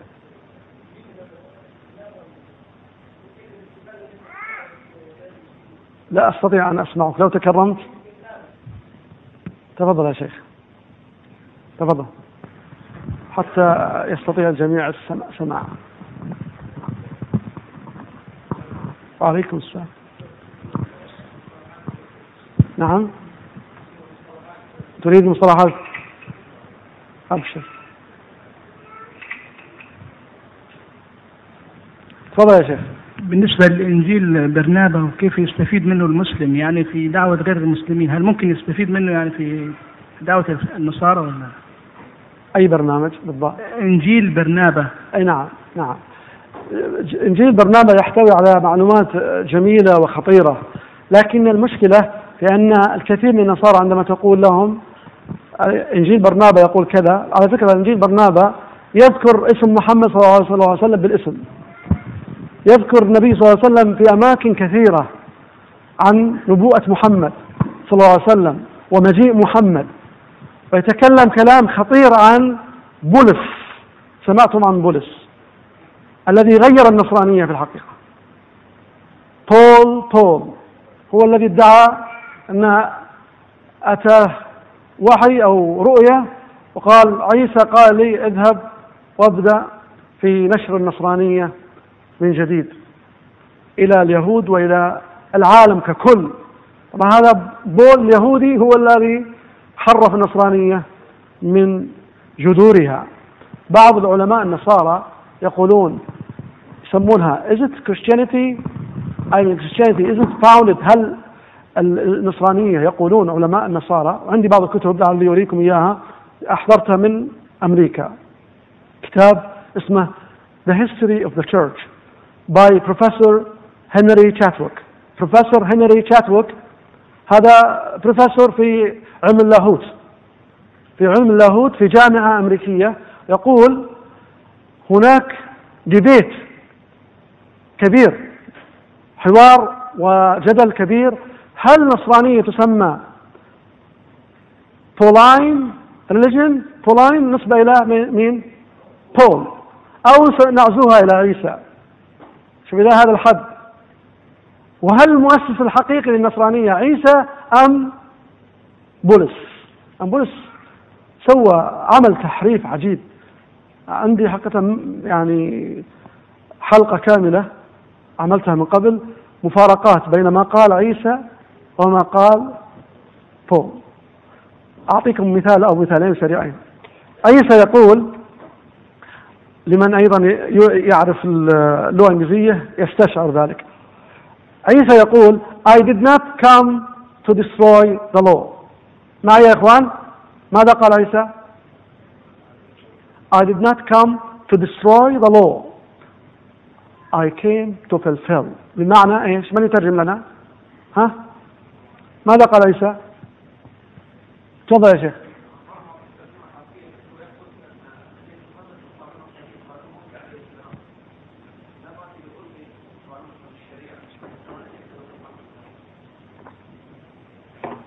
جميل. يقول الأخ كما ترجم يقول عيسى أنا لم آتي لأدمر الناموس أو أحطم الناموس شريعة موسى ولكن جئت لأكمل. لأتمم. بول في إصحاح رومانز اسمه الرومان يقول those who follow the law under a curse. من يتبع الشريعة فهو ها تحت اللعنة. فرق كبير ولا فرق. عيسى يقول أنا لم آتي لأدمر وأنقض الناموس بينما بول يقول من يتبع الناموس أو الشريعة تحت اللعنة. يقول أيضا بول بول يقول عيسى was put on, the cross. عيسى وضع على على الصليب وأصبح became a curse. معناها إيش؟ يا إخوان كلام والله ما يقال. لكن هذا في كتب هؤلاء. كتب النصارى يقولون عيسى علق ووضع على الصليب وأصبح لعنة. استغفر الله. كيف يتكلمون عن الرسل بهذه الطريقة؟ موجود يا إخوان يعني إن شاء الله أوريكم موجود عندي الكتاب المقدس لمن يريد أوريه. اياه كتب النصارى الموجود الآن. جبت معي حوالي تسعة أناجيل من أمريكا. كل إنجيل تجد فيه هذه العبارة. إذا هناك تخبط حقيقة كبير. أخت لنقرأ سؤال الأخت رسالة الأخ المصور. معي يا شيخ؟ نتمنى عمل نسخة من هذا الشريط. ووضعه في المركز إن شاء الله. حتى نتمكن من الحصول على الشريط. ولك ولك جزيل الشكر. جزاك الله خير. طيب. إذا نحتاج إلى ماذا؟ حدد ماذا تريد. ماذا تقصد؟ عندما تقول الإسلام الله من هو الله؟ هل هو إله العرب؟ هل هو إله الباكستانيين؟ أم الهنود؟ أم المصريين؟ أم الخليجيين؟ في أمريكا عندما سألت سؤال أطفال في مدرسة من المدارس قلت لهم هو إذا الله؟ هذا مدرسة high school مدرسة ثانوية في أمريكا. في ميشيغان. ذهبت لإلقاء محاضرة فقلت لهم في البداية قبل ما أبدأ بمثل هذا قلت لهم Who is الله ماذا كان الجواب؟ والرجل هؤلاء بل حتى في مدارس الأطفال ابتدائية ومتوسطة نفس الجواب. وسأريكم بعض الصور إن شاء الله من بعض المدارس. إن شاء الله غدا أو بعد غد بعد غد في صور من مدارس أمريكية خلال زيارات ومحاضرات ألقيناها هناك. قالوا وكتبوا أنا طلبت منهم يكتبون ذلك. لهم write down what you know about Allah. Who is Allah? فقالوا Allah is the God of the people in the Middle East. What do you think? الله رب الناس الذين في الشرق الأوسط. بعضهم قال الله is the God of Arabs. Arabs. الله إله العرب. بعضهم قال الله is the God of the terrorists. الله هو رب الإرهابيين. الله المستعان. إذا هذا هو المفهوم عند البعض. إذا نريد أن نصحح هذه المفاهيم. الطفل الصغير يستطيع أن يشرح هذه المعاني لكن مثل هؤلاء قد لا يعونها. طيب. ثالثا ننتقل إلى ثالثا ولكن دعونا نأخذ فترة قصيرة كراحة. حقيقة لا لا لا أود الإطالة. اسمعوا لهذا. معي يا إخوان أخوات. الطفلة الصغيرة ما شاء الله معانا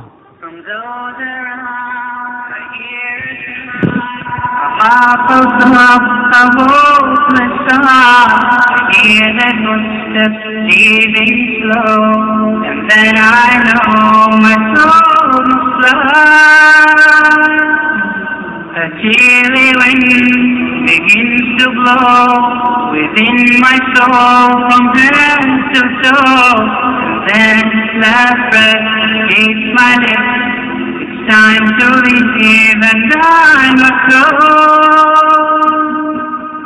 So it's true, but it's too late. They said each soul had its given day. When it must beside its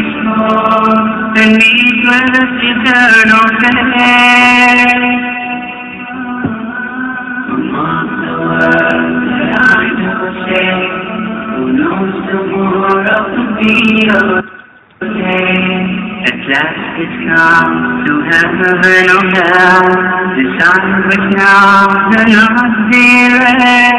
Come on, my.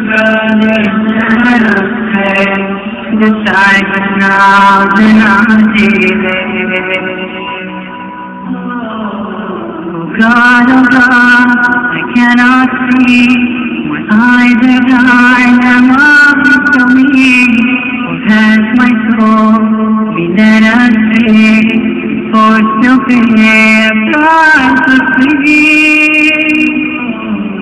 فنحسدهم وآبتهم shall rejoice when others hurt. Only us that before that came my turn. And now I'm singing they lay me with my record flow. They cried on snowy night skyward, for they and take my the words that I do say, who knows tomorrow will be your day. It's last it comes to heaven, oh hell, the sun becomes the Lord's spirit. Among the brothers and sisters, the sight the Lord's.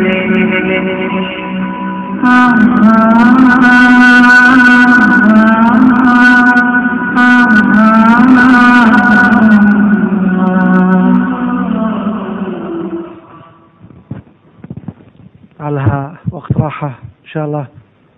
أتصور حتى الذي لم يستطع أن يفهم الكلمات كيف ترونها؟ هل تصدقون يا إخوان بعض الممرضات من غير المسل- المسلمين أخذوا يبكون بعد ما سمعوا هذا؟ غير مسلمات نصرانيات. إذا هناك وسائل كثيرة يا إخوان في الدعوة. ليس فقط المحاضرة. أتصور ثلاث دقائق أربع دقائق قد تكون أكثر تأثيرا من محاضرة ساعتين أو أقل أو أكثر. فإذا هذا جزء من التنويع وتغيير في الأسلوب والطريقة في عرض الإسلام بأسلوب مشوق.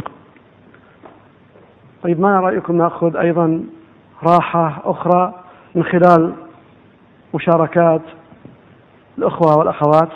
لا أريد حقيقة أن أستأثر بالحديث.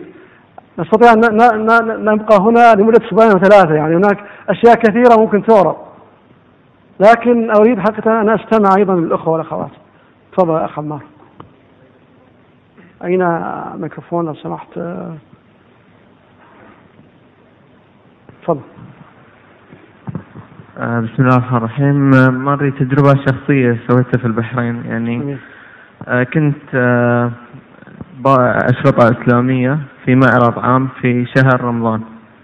آه، جاني أحد الأشخاص آه، قال لي إيش عندك؟ كنت مشغل القارة مشار الأفاسي وقارة مشار يعني معروف بصوته أنه هو صوت ما شاء الله عليه صوت آه، جميل فكنت مشغل آه، اللي هي ليالي رمضان حق رمضان اللي فات. والقارة مشاري قاعد يقرأ. فجاني أحد الزباين يسألني يقول لي إيش اسم القارئ؟ قلت له مشاري العفاسي. فمستغرب يعني من الاسم. مشيت معه قال لي إيش عندك يعني حق القارئ مشاري؟ قلت له سورة هود. قال لي إيش هود؟ قلت له نبي من الأنبياء. بعدها قال لي زين إيش السؤال اللي عندك؟ قلت له يونس. قال لي من يونس؟ قلت له أحد الأنبياء الموجودين. آه قال لي إيش عندك؟ قلت له محمد. قال لي من محمد؟ عبارة يعني أحد أصحابي ولا شيء.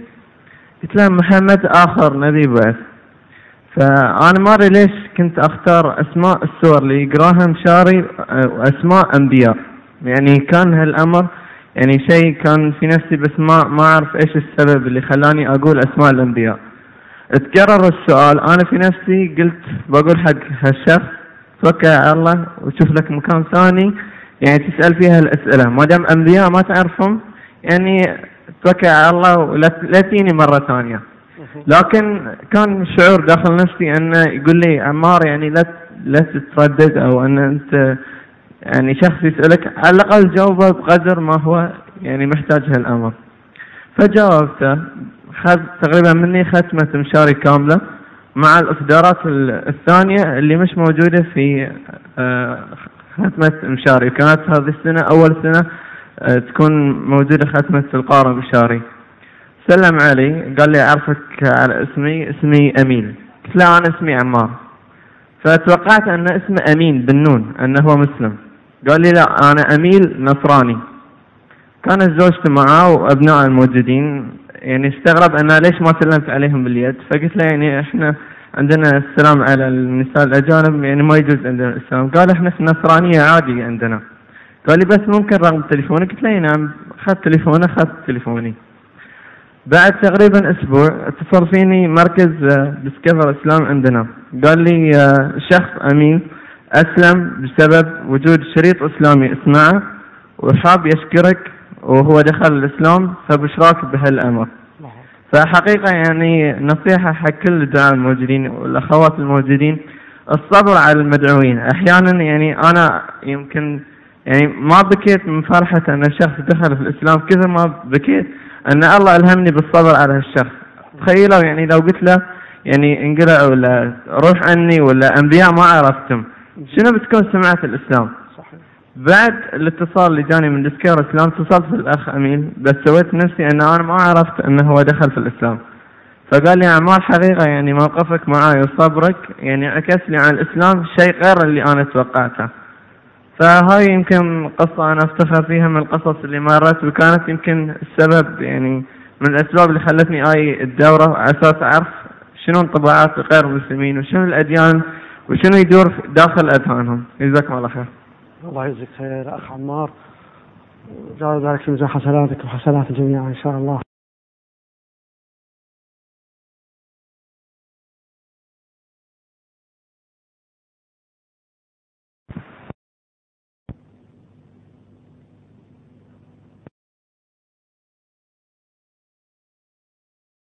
اخ عمار ونصيحة برضو لل... أو يظن إنه ده وقت صعب إن هو يتقرب إلى الله أو يكون قريب إلى الله. يعني حصل برضو كان في الشغل عندي. لما كان مثلا يقدم الظهر أو العصر أو كده كنت أفوت على الناس. الصلاة الصلاة يا شباب الصلاة. فكان جنبي واحد ما بيصليش خالص نهائي نهائي. فكنتش بعدي عليه يعني. خلاص مش مش في أمل دوت. كان لي واحد صاحبي تاني يعني يصلي مرة ومرة لأ ومرة فده كنت حاطه في دماغي يعني بس دوت لازم أخليه يصلي إن شاء الله بإذن الله كنت أروح عليه كل شوية تعال صلي الصلاه مش عارف إيه الصلاة تارك الصلاة حرام وما إلى ذلك من من الدعاوي وما عني به الله عز وجل فجأة بعد كام يوم اكتشفت إن ال- الشخص اللي كان جنبي اللي أنا ما حطيتوش في دماغي لقيته جاي يصلي فيعني عرفت إن ديت رسالة من ربنا إن يعني لا تهمل الشخص البعيد وإنت عليك الدعوة وليس عليك. عليك التبليغ وليس عليك هداهم. صحيح. انت عليك الدعوة بس. فيعني عرفت كده وحزنت إن أنا خسرت ثواب هذا الشخص. اللي هو كان ممكن يجي منه وأنا استيأست منه يعني. بس هذه نصيحة بوجهها للاخوه ان يعني. محدش ييأس من أحد محدش يظن إن هذا بعيد. مفيش فيه أمل مفيش منه رجاء. أنت عليك البلاغ وليس عليك هداهم. بس هذا جزاكم الله خيرا. أثابكم الله. الحمد لله وكفى والصلاة والسلام على رسول جزا الله الدكتور خيرا على هذه ال- الإفادات الطيبة ونسأل الله تبارك وتعالى أن يجعل هذا العمل خالصا لوجهه الكريم آمين. والحقيقة انطباعنا الأول على الدكتور كان ممتاز جدا ومريح جدا فنسأل الله أن يرزقنا وإياه الإخلاص آمين. وهذه حقيقة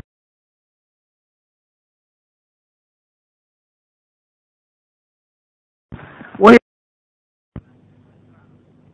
بهذه الرسالة نعم وأذكر لما كنا طلاب في الثمانينات منتصف الثمانينات في جامعة القرآن في السودان. نعم. زارونا الإخوة من رابطة الفكر الإسلامي في واشنطن. فكان قدم مدير الجامعة الدكتور يوسف العالم رحمة الله عليه وهو من المهمومين بأمر الدعوة. قدم لهم دعوة بضرورة أن يمروا على الجامعات الإسلامية وينتقوا من يصلح معهم من الطلاب. وقال أنتم الآن تبدأوا مع الطالب تعلموه اللغة وتعلموه الشريعة وتعلموه كذا فلماذا لا تأخذوا طلاب متميزين من الدراسات الشرعية وتؤهلوهم باللغات المختلفة ليكونوا دعاة. وهذه بعد ذلك فعلا ذكرتنا أن الدعوة إلى الله تبارك وتعالى الذي يؤخر الدعوة هي أن الدعوة الآن أصبحت وظيفة بكل أسف. وكليات الدعوة يدخلها الطلاب هكذا بحسب المجاميع الدراسية وبحسب كذا.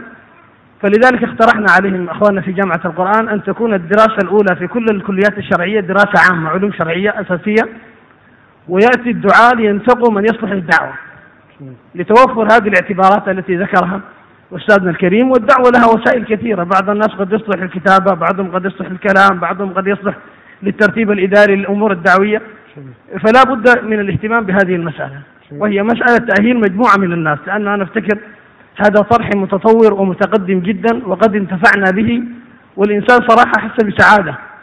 والواحد يحمد الله أنه لم يمت قبل أن يسمع هذه الكلمات والنصائح المفيدة في هذا الميدان. ويا إخوان لا بد أن نعرف أن الناس فيهم خير. كل أهل الأرض يستطيعوا أن يقبلوا هذا الدين لكن هناك تشويش عليه. عندنا مثلا في جنوب السودان سياسة المناطق المقفولة كان المستعمر يمنع المسلمين من الدخول ورسخ في عقول هؤلاء أن المسلم الذي يسجد في الأرض يدخل في الأرض ويوسخ هذه الأرض. يعني بهذه المفاهيم ساذجة جدا. فأصبحوا يكرهوا كل من يسجد لله تبارك وتعالى.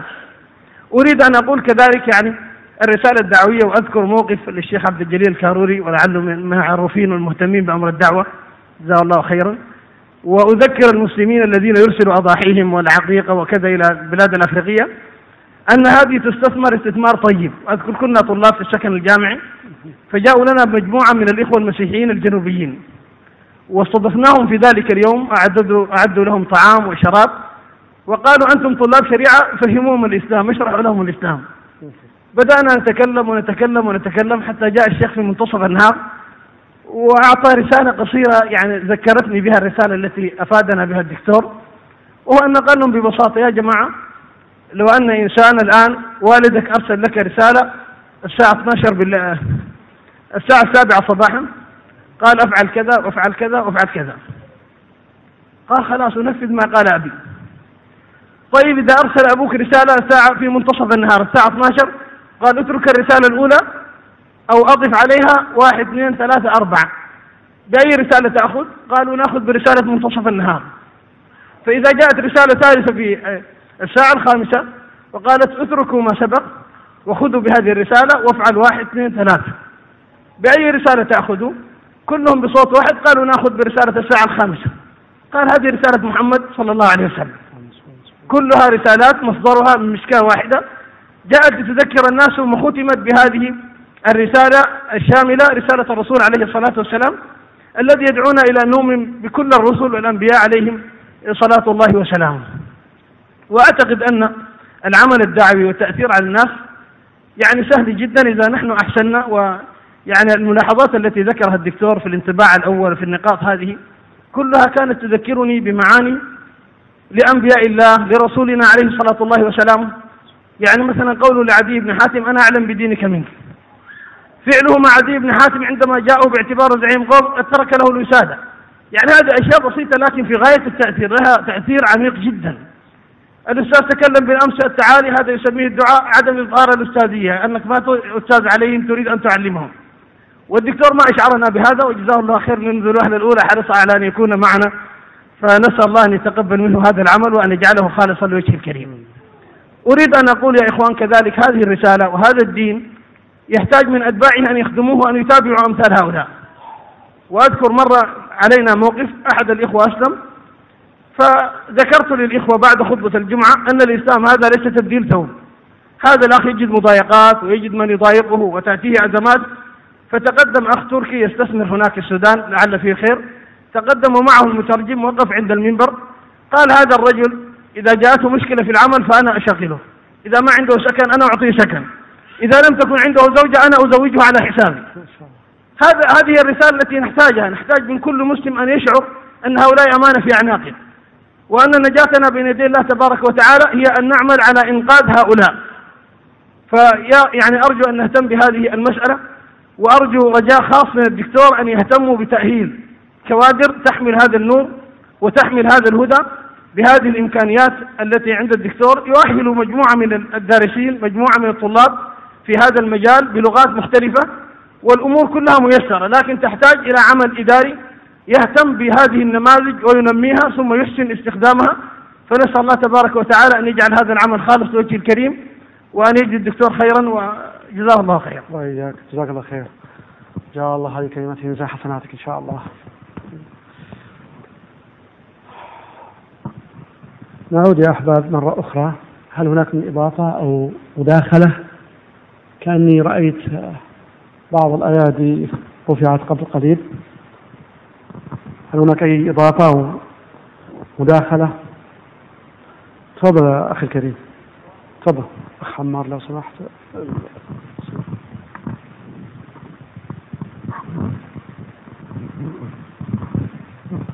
بسم الله الرحمن الرحيم. تعقيبا دكتور على موضوع المصطلحات. أنت تكلمت عن المصطلحات العربية مثل الله ومسجد وقرآن. ماذا عن المصطلحات المشتركة بين لغتنا ولغتهم ولكن تختلف في المضمون؟ مثل مصطلح دين أو عبادة. يعني أنت تعرف ورشب بالإنجليزية تختلف في المعنى والمضمون عن عبادة بالعربية أو حتى براي اللي هي الصلاة. إذا الواحد دعا بالنسبة لهم يسمونها صلاة براي أو ذكر براي كلها خلط. فهل نتكلم في هالمواضيع ولا هي تعتبر تفصيلية و يعني يمكن تكون مملة بالنسبة لهم أو ما أدري إيش رأيك. جزاك الله خير. لكن في تقديري يعني نرتب الأولويات. حتى لا ندخل في تفاصيل كثيرة يعني أيضا من باب حتى إنك تحدث الناس على قدر ما يعقلون قبل ما ندخل في مفهوم العبادة وابعاد العبادة ومعنى العبادة في الإسلام وتطبيقاتها وغير ذلك. البعض قد يبدأ بمسائل قد لا يستوعبها هذا المدعو الواحد يبدأ أول ما يبدأ قضية آه، الإسراء والمعراج مثلا أول ما يبدأ بكذا قد هذا الرجل لا يستوعب وين؟ طيارة ولا إيش ولا صاروخ؟ يعني من من قريش من أهل قريش ومن الرعيل الأول من تشكك بذلك. اذا نحدث الناس على قدر ما يعقلون وأنا ذكرت لعلي هذا بالأمس. أنا بس قبل ما انسى الأخ الطفل الصغير هنا مو طفل حقيقة هو رجال بس. كم عمرك 12 سنه؟ ها؟ أنت إيه أنت. عبد الله محمد. هم ها؟ عبد الله ترى امس أنا وعدتك بهدية صح؟ أنت ما أخذت هدية امس اخذت؟ أجل من من الأطفال اللي امس ما أخذ الهدية؟ وينه؟ تعال يا حبيبي تعال. تعال يا بطل. هذا دين علي لازم نسدد شو اسمك يا بطل؟ شو اسمك؟ محمد أسامة. وين وين أبوك؟ وين أبوك؟ نعم ما. جاء؟ ما شاء الله أنت تمثل أنت. خلي ما خير ممثل شكرا يا محمد بارك الله فيك. أنت داعية إن شاء الله للإسلام. طيب الأخ الكريم بالخلف رفع يده قبل قليل لا أنساه. مو بنت فانا قصدي وراك لا تخاف. دمك جاي ما بعد تفضل يا شيخ. السلام عليكم. تفضل. تفضل السلام عليكم. السلام. مداخلة على نقطة أمس ذكرتها بالنسبة للانطباع الأول آه، أن آه، ما عندك فرصة ثانية تعطي الانطباع الأول. هذه يمكن آه، قاعدة سمعت فيها أنه ما عندك فرصة ثانية تعطي الانطباع الأول؟ الانطباع الأول دائما يبقى مثل الموضوع. الانطباع الأول حساس جدا يعني ما عندك فرصة ثانية تصحح هذا الانطباع. في الغالب نعم صعب قد يكون صعب. أحيانا زي الكأس عندما ينكسر صعب أنك تجمعه من جديد. فالانتباع أحيانا البعض يأخذ فكرة ما يغيرها إلى أن يموت. ما يغير نظرته ذي قد تتغير يتغير الحال. خلاص متعقد منك أو متعقد من شخص معين يبقى متعقد من هذا الشيء إلى ما شاء الله. طيب أحبابي في شيء ثاني؟ في إضافة؟ قبل أن قبل أن ننتقل إلى مفتاح ثالث. إذا المفتاح الأول تكلمنا عن إيش؟ ألخص كسب القلوب. هذا تمهيد للدعوة. للمسلم ولغير المسلم؟ المفتاح الثاني تكلمنا عن ماذا؟ تحديد تحديد المصطلحات. وتحدثنا عنها. أن الداعية عليه أن يتقن شكرا يا بطل. يتقن خاصة عندما يريد أن يتحدث بلغة المدعو سواء باللغة الإنجليزية أو الأسبانية أو ما ودي أدخل في لغات الدعاة الموجودين هنا دخلت أخذت وقت. وما ذكر إذا ما ذكرت البعض تقول نسى لغتي ونسى دولتي. ها إذا ننتقل إلى مصطلح أو تعريف وتحديد المصطلحات في المفاتيح. عندما نتكلم يا أحباب عن تفضل. الله سبحانه وتعالى إذا كما تكلمنا قبل قليل النصراني يفهم الله بطريقته الهندوسي يفهم كلمة الله بطريقته. براما شيفا فيشنو تذكرونها؟ البوذي عندما تقول الله يقول ذات. ماذا؟ الله. بوذا وغير ذلك. طيب نأتي الآن إلى محمد صلى الله عليه وسلم. من هو محمد؟ كما تعلمون. بالنسبة للنصارى وغير المسلمين أيضا هناك الكتابات الكثيرة وخاصة في الوقت الراهن لا يخفى على الكثير. حملة شعواء تشن على النبي صلى الله عليه وسلم في الغرب. ملايين المقالات واللقاءات. من بعد الحادي عشر من سبتمبر كتبت وعملت عن الإسلام وخاصة عن شخصية النبي صلى الله عليه وسلم. ولعلكم سمعتوا في فرنسا وغيرها مليون رجل ضد محمد مليون رجل ضد محمد. مارشال. وغير ذلك من مما يذكر في شخصية النبي صلى الله عليه وسلم من أشياء مكتوبة. فعلينا أن نعرف هؤلاء بمحمد صلى الله عليه وسلم. بعض النصارى يقول نحن يوجد لدينا عيسى وأنتم لديكم محمد. طبعا هم عيسى يفكرون عيسى إيش؟ ابن الإله. هل معنى ذلك أن محمد نصل إلى الكونكلوجن الخلاصة أن محمد أيضا ابن إله في الإسلام هم يسوون نوع من القياس من خلال حواراتي مع النصارى خاصة يقول you have Muhammad you have Jesus why do you argue about it ليش قاعدين تجادلون أنتم عيسى؟ وقت الصلاة قد حان الآن. أرجو التوقف. طيب أتوقف بإذن الله. وجزاك الله خير لمن ذكر. إذا نستأنف بإذن الله بعد الصلاة. نواصل الساعة. رجاء يا إخوان عشان نكون on time في الوقت المحدد. الساعة السابعة إلا ربع بإذن الله. السلام عليكم ورحمة الله وبركاته. في الله نبدأ. أتمنى حقا أن نكون كما ذكرت على الوقت المحدد ثانيا أود من الأخوة الأفاضل التقارب. نتقارب يا أحباب. نريد أن نتقارب حتى يكون تفاعل أكبر. وأريد أيضا قربكم. أبغى قربكم يا أحباب. القرب تقاربوا لو سمحتم. إخوان في الخلف لو تخير بين درجة أولى ودرجة سياحية إيش تختار؟ درجة مج... درجة أولى بالمجان زي ما يقول الشيخ. بعض الأخوات جزاهن الله كل خير. حقيقة في تفاعل طيب من الأخوات الحمد لله يبدو أن ما شاء الله الشاشات بدأت تعمل. آه بعض الأخوات طلبنا هذه الأنشودة مرة أخرى فلعلي أعيدها.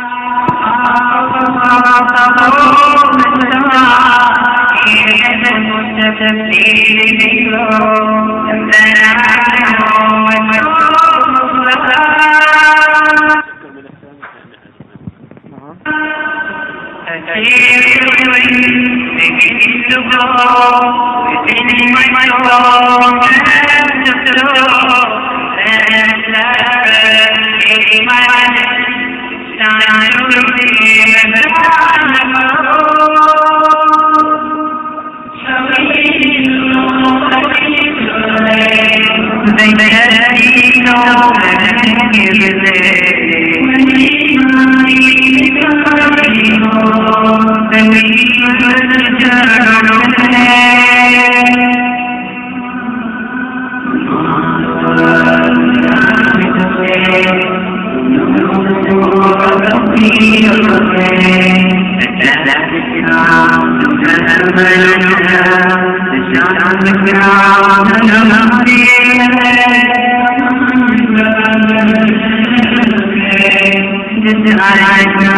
هذه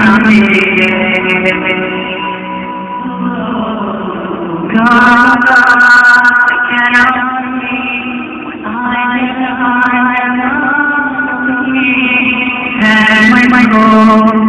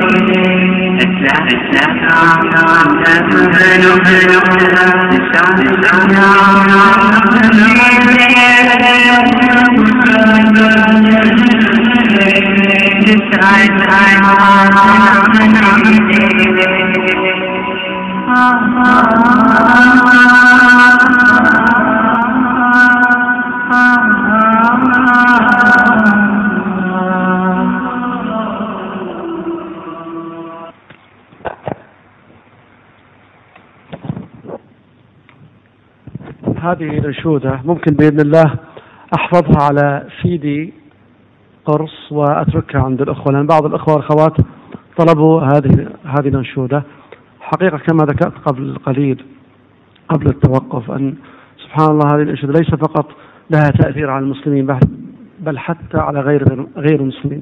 أذكر في أحد المستشفيات بعد محاضرة ذكرت أذكر أيضا هذا الكلام الأمس ذكرته.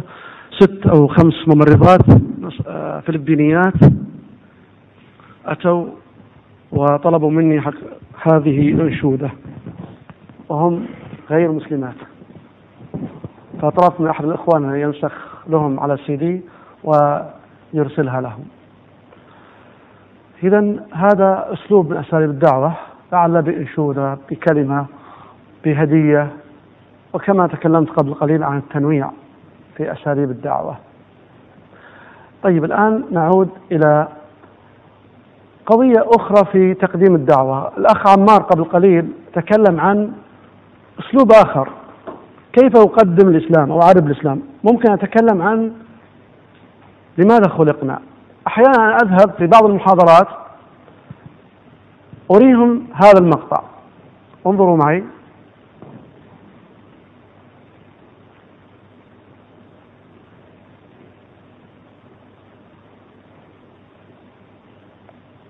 بسم الله. أبدأ. أقول لهم ما هذا؟ يبدأون.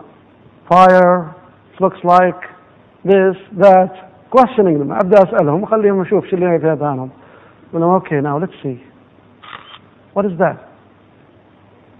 They start to recognize it. يبدأون يدركون شيئا من Oh, galaxies. What is that? أبدأ أيضا أسأل. تثير الفضول عند هؤلاء هذه محاضرة بحد ذاتها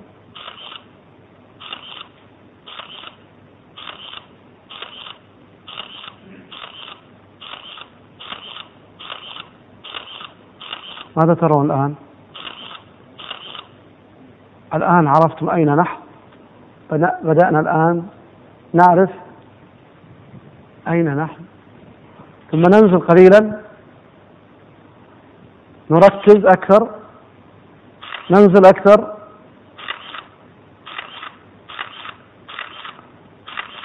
انظر إلى ماذا؟ أوراق. ثم ننزل إلى الأوراق. نتأمل في هذا الورق. ثم ننزل أكثر وأكثر وأكثر.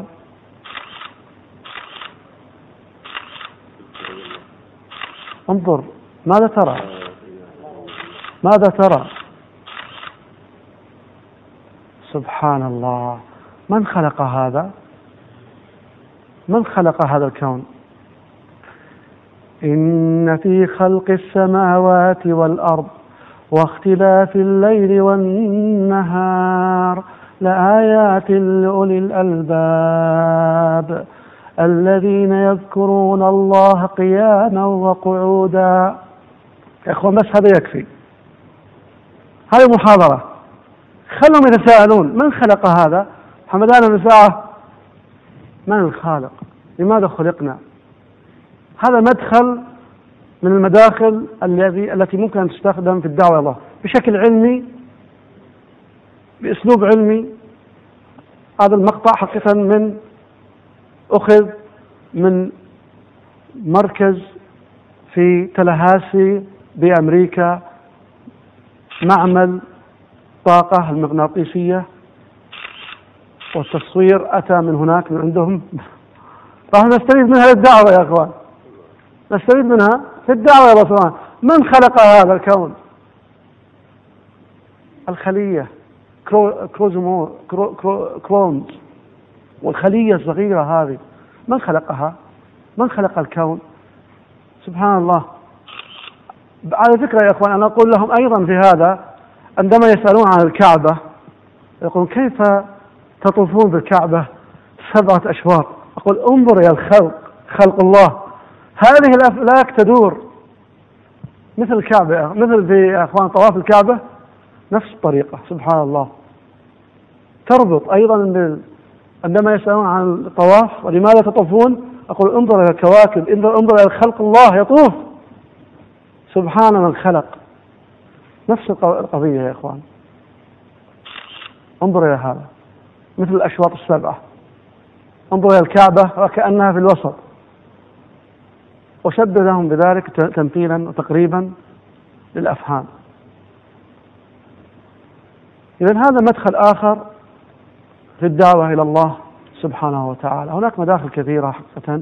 وننوع ونتقن يجب علينا أن نتقن كما قال صلى الله عليه وسلم إذا عمل أحدكم عملا فليتقنه.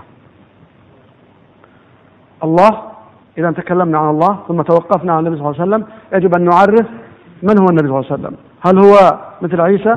هل هو مثل بوذا كما يقولون قد يكون مثل بوذا يعني يقومون بعمل نوع من القياس كلهم حسب دينه. الإسلام ما هو الإسلام؟ كما بينت قبل قليل يجب أن نعرف عندما تقول الإسلام لوحده في الغرب في أمريكا تأتي أو تتداعى أفكار أخرى وتمزج وتلتصق مع هذا المفهوم. يجب أن نعرف الإسلام معناه submission obedience surrender to the will of Allah the creator. مسلم من هو المسلم؟ من هو المسلم؟ ها من يعطيني التعريف باللغة الإنجليزية وله هدية. يلا. أول من رفع يده هناك الأخ. ما شاء الله. تفضل. هذا هدية. يلا. هذا هدية شيخ. اسم الكريم؟ أخ محمد. تفضل. إحنا الآن نستعرض بعض التعاريف ونشوف من من حفظ هذه التعاريف طيب. انتقل الآن إلى القرآن الكريم. كيف نعبر بكلمات بسيطة باللغة الإنجليزية عن القرآن الكريم؟ ها يا إخوان أول من رأيت حقيقة الأخ أمامي تفضل يا شيخ. بس بدون هدية ترى ها. ويكون نعم. The word of who? The word of Allah, كلام الله. Revealed to the Prophet Muhammad الله عليه وسلم إذا كلام الله الموحى به أو المرسل إلى محمد صلى الله عليه وسلم.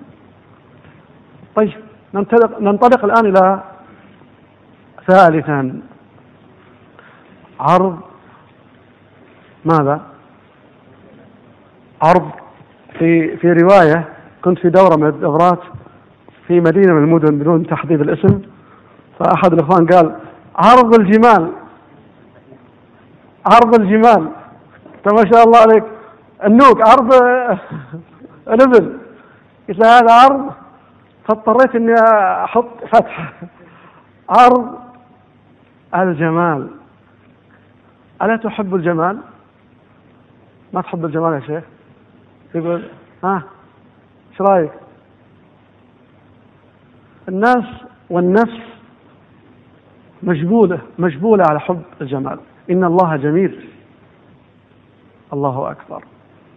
إذا عندما تبدأ بما تهوى النفس بما تحب النفس كقاعدة مشتركة تنطلق منها.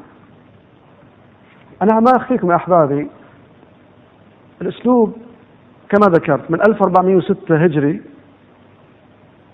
يعني 96 ميلادي البعض للأسف قد لا يعي الهجري أحيانا ما يستخدم في بلاد المسلمين أحيانا لا يستخدم الهجري. 1996 86 إحنا ما نستخدم ترى الميلادي نستخدم الهجري. عشان كذا عندنا مشكلة. إحنا المشكلة الأخرى. أي نعم. كنا دائما نتكلم عن إيش؟ أركان الإيمان وأركان الإسلام. تبغى تسلم ها ولا النار نصيرك. اختار الآن قم. الآن علمني. you want to be a Muslim or you go to hellfire الله المستعان. كما ذكر الشيخ اللي وقف جزاه الله خير يقول كنا متحمسين في الدعوة. ما في إلا خط واحد ها أسود ولا أبيض؟ ما في مجال. أفكر حتى. ولا نغير الاستراتيجيات. ونرى ما هو أقرب للنفوس فقلنا عرض الجمال. طيب ما المقصود بعرض الجمال؟ هو توضيح جمال الإسلام ومحاسنه. اذا أنا بسألكم يا أحباب معي أنتم؟ أم أطلت عليكم؟ ومللتم؟ وسئمتم؟ أخشى ذلك. أنا لا أحب الإطالة حقيقة ولكن للأسف أن هذه تسمى دورة. يعني فيه لازم إطالة. توضيح جمال الإسلام ومحاسنه أسألكم يا إخوان أيهما في تقديرك حتى مع الشباب الآن بعض الشباب التكاليف صل صم سو سو كذا ثقيلة ولا خفيفة يا إخوان؟ حتى علينا إحنا. قوم صل الفجر قوم صل الظهر قوم صل العصر. في الظهر شو طلعني شو طلعني عين شمس ثقيل ولا ثقيل الأمر؟ الأمر يا إخوان ثقيل ثقيل. انظروا إلى الشباب والشابات الآن. ثقل موضوع الصلاة على على هؤلاء الشباب. بس تعبنا خلاص. صلاة صلاة صلاة. البعض للأسف وصل له الحد. خلاص أمي زهقتيني خلاص. الله يرحمنا ورحمته يا رب. بعض الآن الشباب والشابات ينفرون ويثورون في وجوه والديهم. خلاص أنا الحين أنا حرة. أنا متعلمة أنا مثقفة إيش تبين مني؟ خليني على راحتي يا أمي. تطلع بدون عباية تطلع غير محجبة. إحنا في عصر آه، تطور وانفتاح. إذا الأمر يا إخوان ثقيل ثقيل على الناس فعندما تبدأ مثلا في التعريف الإسلام لغير المسلمين أنا أتكلم الآن أرجع الآن لغير المسلمين. تجي تقول له نصراني غير مسلم تقول له الآن أبواك في الإسلام تسوي ما يلي؟ أركان الإيمان واحد اثنين ثلاثة أربعة خمسة ستة. ثم أركان الإسلام واحد اثنين ثلاثة أربعة خمسة. وشوف ترى الخمر حرام الخنزير حرام. dating المواعيد هذه ترى girlfriend ولا boyfriend هذه ما عندنا من الإسلام هذا من البداية. أنا أقول لك إياها من الآن. انتبه. قال يا أخي بلاش. خلاص. إذا هذا بدايتها قد يكون في نوع من يعني يرد ولا يفكر مرة ثانية. التكاليف يا إخوان ثقيلة على النفس. للمسلم وغير المسلم. إذا البديل والمقترح هو أن نعرض الجمال. الناس تحب الجمال وتتحدث عن الجمال. فدعونا نتحدث عن جمال الإسلام. مثال أعطونا يلا يا أحباب أبغى الآن أكثر مشاركة أكبر. الإخوة والأخوات قبل ما أدخل أنا في ما عندي أريد أن أعرف ما عندكم. إيش عندكم؟ أعطوني. يلا. بسم الله. تفضل يا شيخ. دين الفطرة. طيب كيف تفسر هذه باللغة الإنجليزية يلا. أبغى باللغة الإنجليزية شلون ترجمها يلا نستعيدها اتفق مع العقل؟ باللغة الإنجليزية يا أخي to say it أنت الآن تريد أن تتكلم مع شخص باللغة الإنجليزية أنت لا تتكلم أردو ولا تاميلي ولا مليباري ولا فلبيني ولا اللغات الأخرى. أنت يبدو لي تتكلم اللغة الإنجليزية صح ولا؟ لكن شاء توظفها توظفها في الدعوة إلى الله. نحن نريد أن نتعلم اللغة يا أخوان. اللغة الإنجليزية ليس محبة للغة. اللغة الإنجليزية. نريد أن نتعلم هذه اللغة من أجل ماذا؟ من أجل الدعوة إلى الله من أجل نصرة هذا الدين من أجل تبيين الدين وتوضيحه للعالم كل ككل. لا من خلال الإنترنت من خلال التواصل من خلال الفضائيات الإنجليزية ممكن نشارك نتفاعل. تفضل يا شيخ. حسن الخلق. بس أنا ما انتهيت من الشيء أخ محمد؟ أبغى يترجم لي حاول. حاول yes try to do من يساعد الأخ محمد؟ تفضل يا شيخ.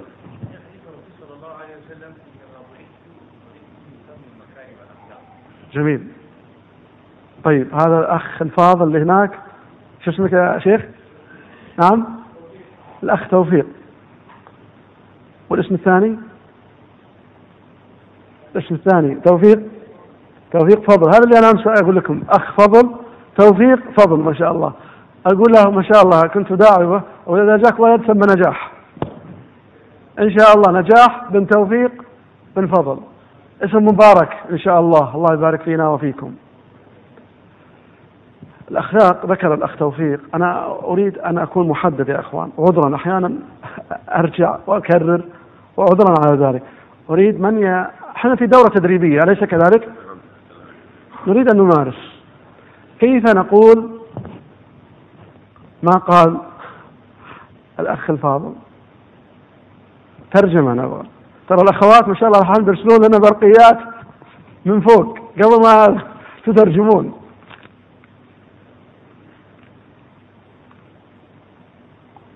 يلا يا أخوان ها وصلتوا؟ ترجمة ها؟ ترجمة؟ خلينا نجرب الأخ صبا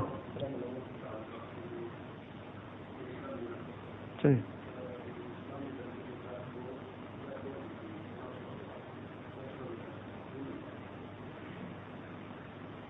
Natural life الحياة الطبيعية نقول. Natural. طيب هناك كلمة أقرب. إلى فطرة. ما هي؟ natural طبيعي حياة طبيعية. أنا أريد أن أقول أقرب إلى فطرة الإنسان وطبيعة الإنسان الفطرية. هناك كلمة أقرب. تفضل. Spirit يأتي بمعنى إيش؟ روح. أبغى أقرب أقرب. تفضل يا شيخ. نعم؟ ما شاء الله. Innate. الدكتور بلال فيليبس موجود ترى ها. هذا يترجم لنا الآن على طول. إنجليزي عربي كندي. حياك الله. Innate innate تجي معنى فطري. Innateness innate I double N A T E. Innate شيء مطبوع عليه. واضح؟ في كلمة أخرى يا أخوان؟ ها دكتور بلال أقرب إلى الفطرة. فطرة. Innate predisposition. How about that? Predisposition. ها ما رأيكم؟ كلمة أخرى معناها predisposition. أيضا هذه معناها شيء أنت مفطور أو مخلوق عليه. Pre مسبق شيء أنت مهيأ أو مشكل عليه. هذا كلمة أخرى ممكن يستفاد منها. طيب الأخوة الأخوات يقولون إن شاء الله بإذن الله. نراعي هذا بإذن الله. طيب نتحدث الآن عن الفطرة الأخ الكريم. الأخ الفاضل تكلم عن الخلق. إذا هناك محاسن للإسلام نستطيع أن نتحدث بها قبل أن نبدأ في أركان الإيمان وأركان الإسلام. أركان الإيمان كما ذكرت أركان الإيمان وأركان الإسلام ثقيلة. تأتي لشخص enjoying his life يستمتع بحياته ثم تقول له do do do do do do do do do do. Do's and don'ts.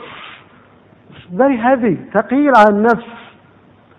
إذا أنا أقترح I suggest نحن نغير ننوع. نبدأ ب كما ذكرت. أولا في التعريف بالإسلام نبدأ بإيش؟ مرة أخرى أذكر لتأكيد المعلومات. تحديد أسماء ومصطلحات. Who is Allah? Definitions. Who is Muhammad? What is Islam? Who is a Muslim? What is meant by the Quran? الآن أنا حددت مصطلحاتي. أتكلم عن الجمال. والناس تحب الجمال. إذا من من محاسن الإسلام التي ممكن أن أبدأ بها الأخ عمار والأخوة قبل قليل تكلموا عن الخلق. من خلقنا؟ تذكرون العرض؟ عرض اللي رأيناه قبل قليل. أيضا هذا عن عظمة الخلق وعظمة الخالق سبحانه وتعالى. قضية أخرى. ها من من يضيف قبل ما تفضل يا شيخ.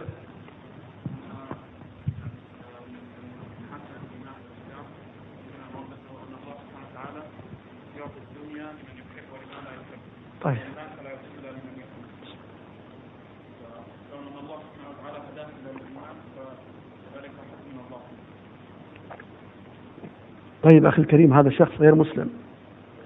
هذا الكريم هذا الشخص هذا إلى الآن ما بعد يسلم. أنا أريد أن أعرفه بالإسلام. ممكن أكلمك عن الجنة وما فيها من جمال وخيرات. جميل. ممكن نتكلم عن اليوم الآخر والجنة وما الله سبحانه وتعالى عد للمؤمنين believers. Allah prepared for them a great place paradise heavens. Yes brother. Yes. نعم. As a model. Great. جميل. جميل. رائع. رائع. As a role model. As a role model. جميل. إذا هذا الأخ يقترح أن نتكلم عن شخصية النبي صلى الله عليه وسلم كقدوة في الأخلاق في التعامل في جوانب مختلفة. وهي حياة جميلة في كل معانيها جميل. طيب آه أنا أعود لك مرة أخرى. أعطيه فرصة. ثم أعود لمن تكلم. تفضل يا شيخ.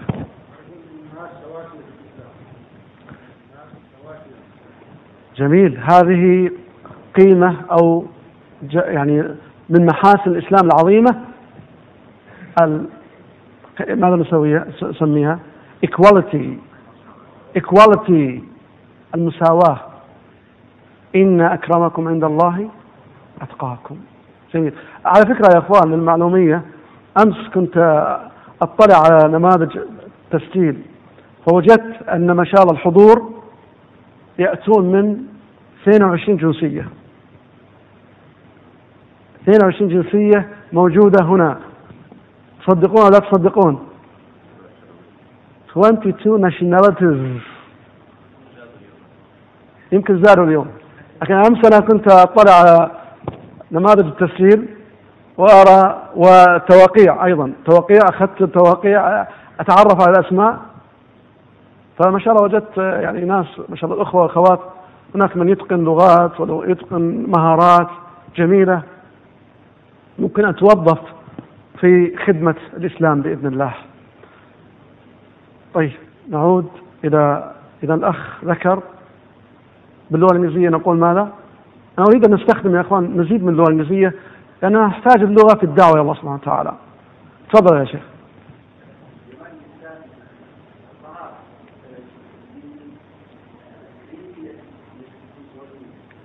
Very good. في الطهارة. How to say it in English? Cleanliness. Cleanliness, huh? To be clean, to be pure, purity, purity. طهارة. جميل. طيب الشيخ الفاضل نعم التكافل الاجتماعي how to say it in English يا شيخ نريد أن نطبق ونستفيد بعض المفردات كيف نقول التكافل الاجتماعي وما يخاف نوزع هدية نعطي هدية يلا أنا خلاص أنا مستشار دكتور بلال. هو مستشار في الآن اللغة الإنجليزية يلا من يريد هدية يا إخوان؟ أو أخوات حتى الأخوات ترى ممكن ترسل هدية أيضا. يعني ما الأخوات ما أخذوا هدايا. إيش رأيكم؟ نترك السؤال هذا للأخوات. آه يا إخوان أخوات. من يحاول؟ عبد الله. حاول باللغة الإنجليزية قصدي. لعل الإجابة جاءت من النساء مكتوبة إن شاء الله. هذه تقول الأخت الله يجزيها خير القرآن الحضارة الإسلامية التقدم في العلم هذه من المحاسن. جميل. هذه من المحاسن ممكن أن نتكلم عنها. أحد أو الأخت هذه. أخت تقول social interaction. how about that هذا تفاعل اجتماعي.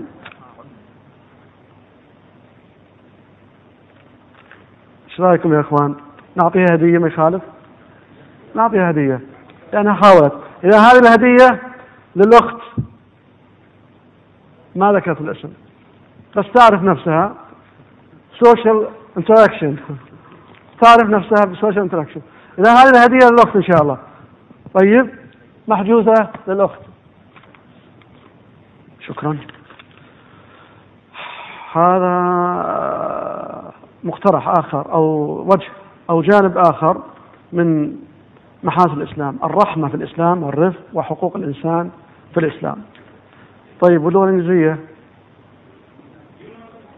human rights هذه معروفة الآن هذه قضية الساعة هذه ها؟ Human rights in Islam. أوكي رحمة mercy. رفق الرفق. ما كان الرفق في شيء إلا زانه وما نزع من شيء إلا شانه. ها يا إخوان الرفق من يترجم لنا الرفق؟ Kindness. To be kind is to be kind. ها شيخ.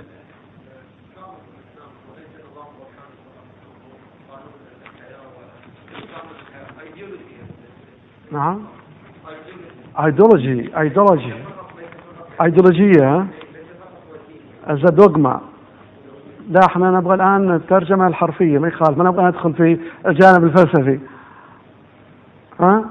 أو الجانب التعريفي. أبغى معنى الكلمة أقرب شيء ممكن للاستفادة يا إخوان. يعني بكرة يمكن تمر عليك الكلمة تشوفها مكتوبة تقول أوه هذه الكلمة اللي ناقشناها. ها يا إخوان آخر فرصة.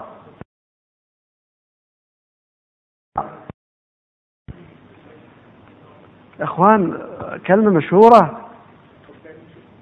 تفضل. What? Companionship صداقة؟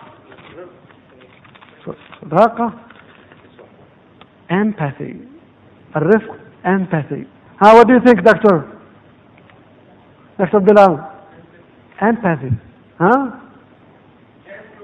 gentleness gentleness هذا رفق رفق ها طيب how about another word to be lenient lenient leniency lenient لين Soft tender smooth.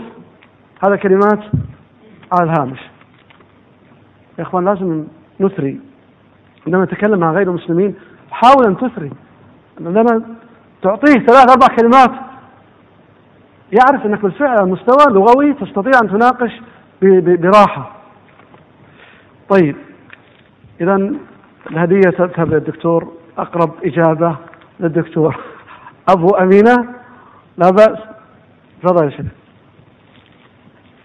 هذا شيء كبيرة هذه. أنا توقعت إنها مثل هذه. واذا بها تكون كبيرة. تفضل يا شيخ. أثابكم الله. جزاك الله خير. Leniency lenient. ولو كنت فظا غليظ القلب لانفضوا من حولك. طيب محاسن أخرى يا أخوان. محاسن أخرى تقترح أن نبدأ بها في التعريف الإسلام طيب ننطلق إلى الأخ الفاضل في الخلف هناك. اعتناء الإسلام بالمرأة الله هذا موضوع كبير موضوع كبير. اعتناء الإسلام بالمرأة. ويبي له تفصيل هذا. طيب تفضل يا شيخ نرجع لك. قيمة المسلم عند الله نعم. قيمة المسلم عند الله. قيمة المسلم عند الله. جميل. طيب عمار. أنا ودي واحد من الإخوان يكتب لنا هذه العناصر. لو سمحت واحد من الإخوان يكتب لنا هذه العناصر. تفضل. الأخرى في ظل بدء الإسلام. جميل. كيف أكرم اليهود لنقول تسامح. تسامح تسامح النبي صلى الله عليه وسلم مع الآخر رحمة الإسلام حتى بالحيوانات يعني آه، ممتاز. رجل أعطى أنا ودي تجيني يا عمار. أنت اليوم ما شاء الله أسهمت مساهمة فعالة. أخ عمار ما شاء الله تعالى. تعالى لو سمحت هذا إن شاء الله بيصير داعية. إحنا نبغى نسقله أيضا يكون داعية. لأن بيروح بريطانيا بعد أيام. فبيمثل وفد طلابي ذهابا ذاهبا إلى بريطانيا. فندعو له بالتوفيق. تفضل يا عمار. آه، نتكلم عن آه، تعامل الرسول صلى الله عليه وسلم مع الأديان الأخرى اللي سماه لنا الدكتور التسامح الأمر الثاني آه، رجل أطعم الكلب آه، جلكم الله أعطاه الماء فدخل الجنة وامرأة آه، دخلت النار بسبب هرة حبستها يعني هذا التناقض الموجود يدل على أن الإسلام دين رحمة حتى عند الحيوان. آه، هذا اللي حبيت أعلق عليه. جميل. جزاك الله خيرا. إذا هناك أحباب يا أخوان يا أخوات. هناك حقيقة محاسن عظيمة وجميلة ممكن أن نبدأ بها. تفضل. أحد الأخوان تفضل يا شيخ. يبدو في ورقة سقطت هناك. جميل.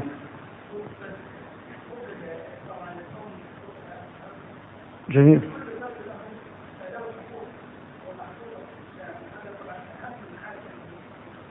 جميل.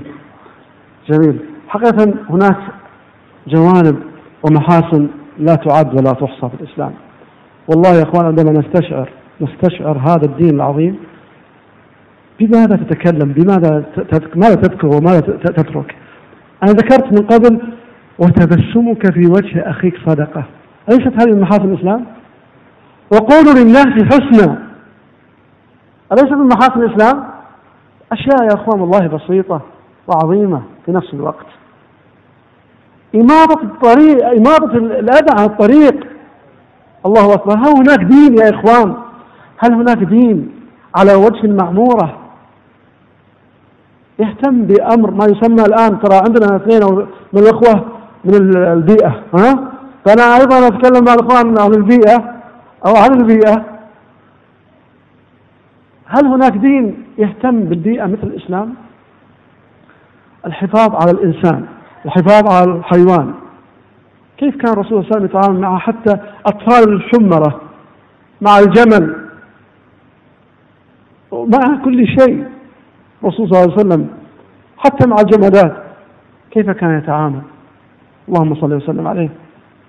إذا عندما نقول إماطة الأذى عن الطريق صدقة ما هذا الدين العظيم؟ عندما تحرك يعني نقول نقول يا إخوان مسمار مسمار. شفته في الطريق وأخذته وحطيته على الجنب. قلت لا يكون أحيانا يتعرض لها سيارة ولا تاير ويروح فيها.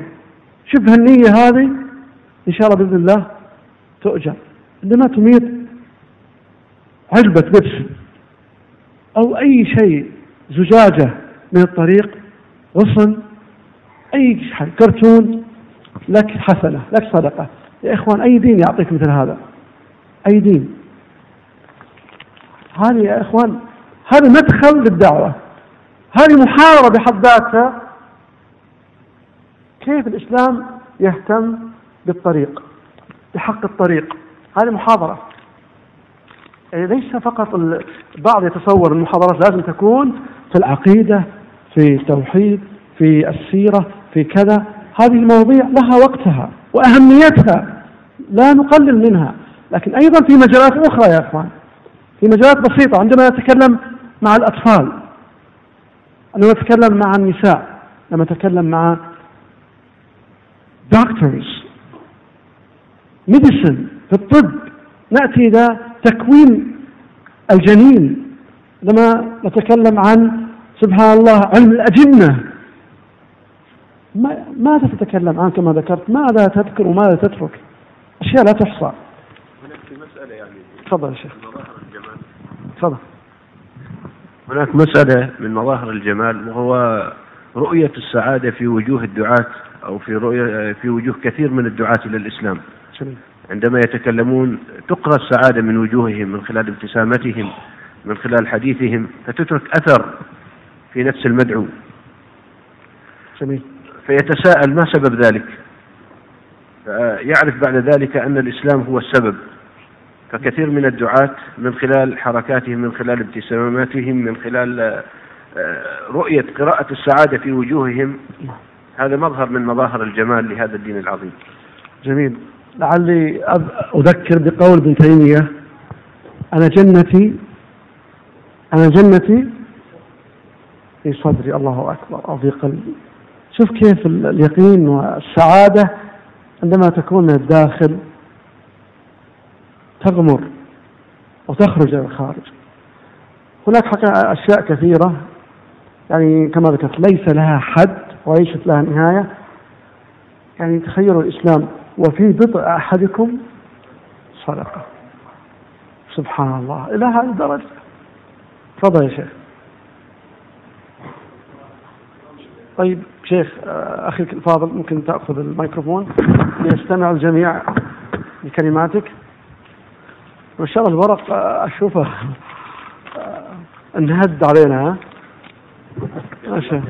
الله يجزيهم خير. الأخوات مش يعني هذا طريقتهم في التعبير. فجزاهم الله خيرا. تفضل. من محاسن الإسلام من الاهتمام بالوالدين ال- يعني احترام لهم ويعني احترام بسمع كلامهم. صوتي لو سمحت أكثر. سماع كلامهم واحترامهم يعني من الصغر حتى الكبر. جميل. ويعني اهتمام فيهم. حتى إن ذكر في القرآن إن كلمة أف اللي هي أصغر كلمة يعني ما ينقال عليهم. مهما كان أوامرهم ومهما كانت الظروف اللي, اللي عندهم إن شاء الله. جميل. أثابك الله. جزيت خيرا وزوجت بكرا. كانك ما تزوجت. ترى إحنا لا يكون النساء يزعلون علينا ولا يقول تاني ولا شيء مشكلة. أنا أقول واحدة وواحدة كثير. أنا بالنسبة لي يا شيخ. أنا أقول واحدة وواحدة كثير. يرى الواحد يلحق على آه، يعني تعرف مسؤوليات الأطفال وال- والمرأة. كان الله في عون الأهل. الله يكون في عون عونهم. تفضل يا شيخ. تفضل. اللهم صل على سيدنا محمد وعلى آله وصحبه. حقيقة عايز أضيف آه، على كلام الأخ بالنسبة للقدوه قدوه الرسول صلى الله عليه وسلم. حقيقة في دعوة غير المسلمين الله سبحانه وتعالى ابتعث الأنبياء. وجعل كل نبي يعني مثال في زمانه لجميع الصفات ولجميع التصرفات في كل شيء في حياة هذا الإنسان. ولم يترك يعني فراغ فجعل في كل عهد من العهود نبي يعني يمشي بأوامر الله سبحانه وتعالى وهو مثال حتى يتبع. والرسول صلى الله عليه وسلم كان قدوة. كل ما ذكر كل ما ذكروه هذا الإخوان صحيح 100% جميل. ولكن يتمثل في شخصية الرسول صلى الله عليه وسلم وصحابته الكرام وإذا إلى النساء يتمثل في أمهات المؤمنين. فهذه تشمل جميع النواحي الاجتماعية وكل ما يحبه الإنسان من الخلق الحسن والخلق الطيب والذي يحبه الإنسان وهي الفطرة التي يحبها الناس يحبها الإنسان فإذا تكلمت في غير لغير المسلم في هذه المواضيع لأنهم يريدوا المشاهدة هم. نعم. ولكن نقول المشاهدة الرسول صلى الله عليه وسلم وهو كان يطبق كل هذه الأشياء مطبقة في حياته وتطبقت مع صحابته الكرام ونسائه. فافتكر أنه يكون هذا كافي؟ يعني يشمل جميع. أي الآن أي شيء تكلموا فيه وهو يشمل خلق الرسول صلى الله عليه وسلم وجزاك الله. أثابكم الله. إذا كما ذكر أحد الأخوة تكلم عن شخصية النبي صلى الله عليه وسلم وتعامله وسيرته وما إلى ذلك. تفضل يا دكتور.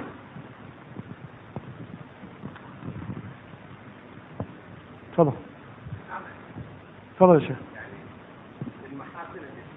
نعم. الأشياء المفقودة في في الغرب يعني لما نتكلم مع ال- غير المسلمين. نعم. يعني عن محاسن الإسلام. جيد لو ركزنا في الأشياء المفقودة عندهم جميل. مثل الأمن. يعني لأن هذا من الأشياء تأثروا فيه. نعم. لما يعيشون بين المسلمين نعم. في دول الخليج ووجدوا فيه أمن يعني اجتماعي يعني لا توجد في الغرب. جميل. يعني الناس يعني كلهم يعيشون في. بيوت مغلقة الأبواب يعني. ما شاء الله. فهذه من المحاسن وأمثالها كثيرة. جميل جميل. أثابكم الله. إذا كما ذكر دكتور وكما ذكرت قبل المغرب هناك تذكرون ما ذكرنا أزرار؟ تذكرون الأزرار؟ هناك أزرار معينة. عندما مثلا تذهب إلى يعني أنا أعطيكم هذه التجربة والأخوة خاصة الأخ بلال أعلم بها. عندما ذهبنا إلى أمريكا وخاصة السجون الأمريكية ذهبنا في ميشيغان. هناك ما يقارب من 40 correctional facilities يسمونها. Facilities. What is the meaning of correctional facilities? معناها ب يعني أماكن يسمونها إصلاحية. سجون. فعندما ذهبنا إلى إدارة السجون في ميشيغان أعطونا قائمة بعناوين و phone numbers names for the chaplains. Chaplains مسؤول chaplain مسؤول عن, الأمور الدينية في السجن. Chaplain.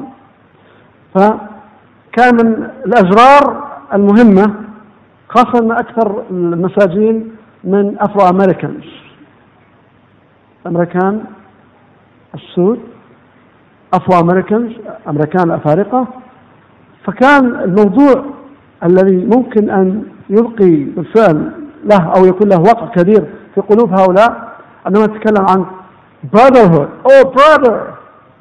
This is the American way huh? Brother how can I be a brother? Just be a Muslim. Oh ما شاء الله equality. الأخ كريم الشيخ اسم أم؟ أبو بكر. الشيخ أبو بكر ذكر equality المساواة. إن أكرمكم عند الله أتقاكم. لا فرق. تذكرون الحديث؟ لا فرق لعربي على عجمي إلا بالتقوى. كلكم لآدم وآدم من تراب. ما في تفاخر. يقول أنا ابن قبيلة ولا ابن غير قبيلة أنا سعودي ولا قطري ولا شرلنكي ولا إن أكرمكم عند الله أتقاكم. هذا جمال الدين. فعندما سبحان الله يعي هؤلاء هذا البعد الكثير من المساجين في أمريكا يسلمون بل الأعظم من ذلك إدارة السجون تقول لنا في المركز الإسلامي تعالوا اذهبوا إلى السجون لأن السلوكيات تغيرت. الذي كان يمارس الخمر الدراجز المخدرات الكريمنالز الحرامية والقتلة الآن they are different. الآن اختلفوا هؤلاء. أصبحوا good citizens. أصبحوا مواطنين صالحين طيبين. يعني الإسلام حدد هؤلاء. هل تصدقون ذلك يا إخوان؟ إدارة السجون تقول لنا كمسلمين في المركز الإسلامي تعالوا واذهبوا إلى السجون. لأننا وجدنا بعد إسلام هؤلاء يتغير حالهم. يصبح لين مطواع. إذا هذا جمال آخر ممكن أن نتكلم عنه في عرض الإسلام. وإن شاء الله الأخوات مشاركات لعلي أتوقف لأقرأ مشاركات الأخوات. لكن لا أريد حقيقة أن أنسى كلمة تكامل اجتماعي نعود لها. تكامل اجتماعي للفائدة يا إخوان. للفائدة. Social solidarity. Solidarity. السماحة التسامح معناها إيش؟ tolerance. الرحمة معناها ميرسي طيب الأخت هذه الإعجاز العلمي في القرآن هذا من محاسن الإعجاز العلمي في القرآن. الشيخ عبد المجيد الزنداني ما شاء الله الشيخ زغلول النجار وغيرهم ما شاء الله ممن يتكلمون في هذا الجانب بإتقان ما شاء الله. إذا هذا جانب. جانب آخر من محاسن الإسلام الأخت ستذكر أتكلم عن صلة القرابة تعدد الزوجات. ما شاء الله. الله الأخت الله يجزيك خير هذه رائعة. أخت رائعة ما شاء الله. هي تتكلم عن تعدد الزوجات. الله يجزيك خير طيب. والله تستاهل جائزة يا إخوان إيش رأيكم؟ تكلم أيضا عن ما شاء الله. كيف يا شيخ؟ عسل طيب تعدد الزوجات بر الوالدين ما شاء الله. الحجاب الحرية.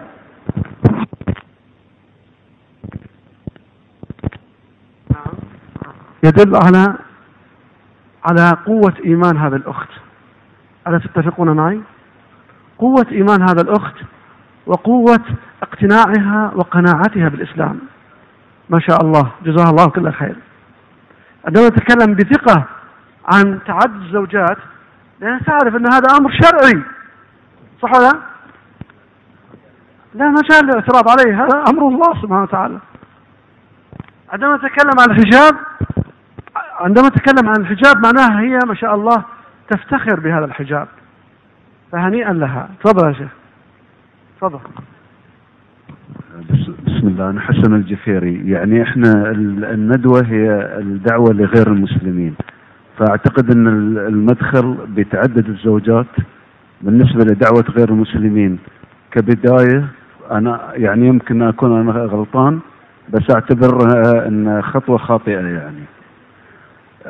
أنا يعني اجتمع دائما مع الأخوة الأجانب يعني ودائما أتحدث لهم بالنسبة للإسلام أتحدث لهم عن الكواليتي لا يعني إحنا ما عندنا الريس العرق وما عندنا اللون يعني اختلاف الألوان إحنا بالنسبة لنا كمسلمين أمام الله واحد.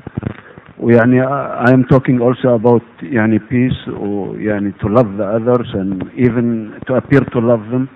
إظهار الحب للآخرين وطبعا forgiveness اللي هو ال- ال- التسامح وال الادفايزري بعد الاستشارة الشورى distribution of wealth العدالة في توزيع الثروات. آه، تحدث عليه معاهم عن عن ال faith الإيمان اللي هو الآلية الت- التخاطب مع الله. خمس مرات في اليوم هناك في mechanism تخلي الإنسان يتواصل مع رب العالمين يعني. فبس اللي أبي أقوله بالنسبة لتعدد الزوجات أرجو يعني تصححني اذا أنا مخطئ. مداخلة غير صحيحة بالنسبة للأجانب والدعوة للإسلام كبداية يعني. شكرا. يعني وجهة نظر آه، تحترم وهو يعتمد حقيقة على حال المدعو. كما ذكر قبل قليل الأخ آه، بعض الإخوان يعتمد على حال المدعو. قد يكون هذا الرجل يسأل ماذا عن تعدد الزوجات في الإسلام؟ هل تقول له لا أنا ما أتكلم عن الموضوع أبدا لأن الموضوع شائك. يعتمد على situation نفس الموقف. قد تكون هناك محاضرة متخصصة في عرض محاسن الإسلام. وبالفعل يا إخوان والله لو نظرنا لها بنظرة موضوعية نجد أن هذا من محاسن الإسلام. أنا أسأل أحيانا غير المسلمين نصارى في أمريكا وغيره أقول له أيهم أفضل to have legitimate two wives or three wives or to have to have five or six or ten sweethearts sweethearts girlfriends. أيهما أفضل؟ يعني حتى في قضية سبحان الله النظافة تذهب إلى هذه الزوجة.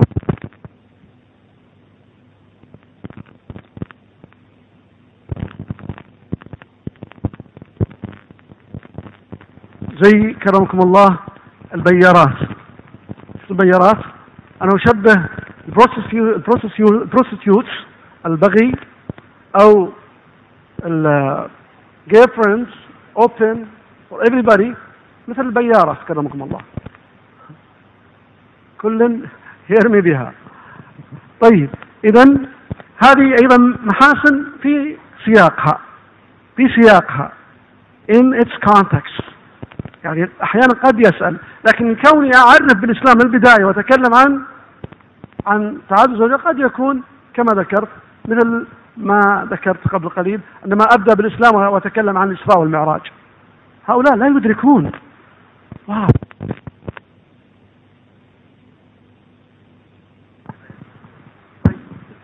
تفضل غير بطارية أوكي.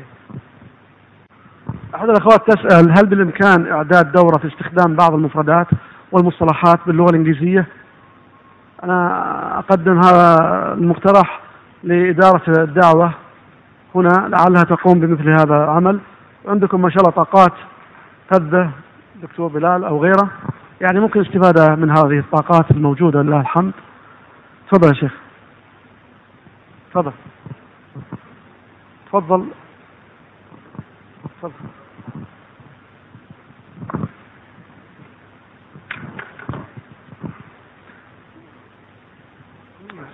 السلام عليكم اولا.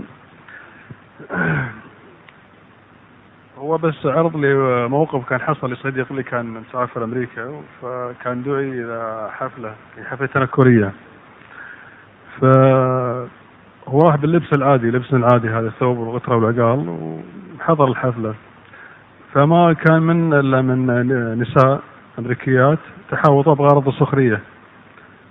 أنتم عرب مش عارف إيش كذا كم زوجة عندك؟ بهالمعنى هذا. هو جزاه الله خير يعني كان من النوع اللي صدره وسيع يعني ويتقبل. فدخل معه في موضوع فقال حاليا أنا بسألكم يعني حاليا وأنا هالشيء ملاحظه في أمريكا أن الواحدة تكون آه تروح مثل نادي ليلي أو ما شابه بغرض يعني طموحها ما يوصل لأن هذا اللي بتقابله في النادي الليلي يكون زوج لها. بس كصديق حتى لو فترة معينة يعني مش شرط إنه يكون زوج. فما بال يعني عندنا الدين إنه يعني يلزم الرجل يعني آه، مش يلزم يعني مسموح إنه يتزوج أكثر من زوجة. ويلزم الزوج إنه يعيش الزوجه الثانية يعني آه، حياة كريمة. يعني آه، يساوي بينهم. يكون لها بيت يكون لها كيان يكون لها كرامة يكون لها وضع يكون لها مصروف. يضمن لها عيشة كريمة. فإيش رأيكم أنتم يعني الواحد تروح نادي ليلي الله اعلم يعني بت- بتصادق من بغض النظر عن أخلاق الشخص هذا أو وضعه وحياته وحياته معه بعدين ممكن توصل لمأساة ممكن يكون مدمن مخدرات أو ما شابه أو يكون زوجة ثانية وعايشة مصونة الكرامة عايشة في بيت آه ونظرة المجتمع لها كزوجة أو كامرأة محترمة لها وضعها فإيش رأيكم أنت في الموضوع هذا؟ فصدق يعني قال لنا آه، يقول آه، بدون بلا استثناء كلهم أقروا قالوا فعلا كلام صحيح أنا لو كانت الواحدة آه، عندها زوج بس يشارك يعني تشارك زوجها يعني تشاركها في واحدة ثانية أفضل لها 100 مرة من تكون العي- الحياة هذه صديق وما شابه. بس هذا اللي حبيت اقوله جزاكم الله خير.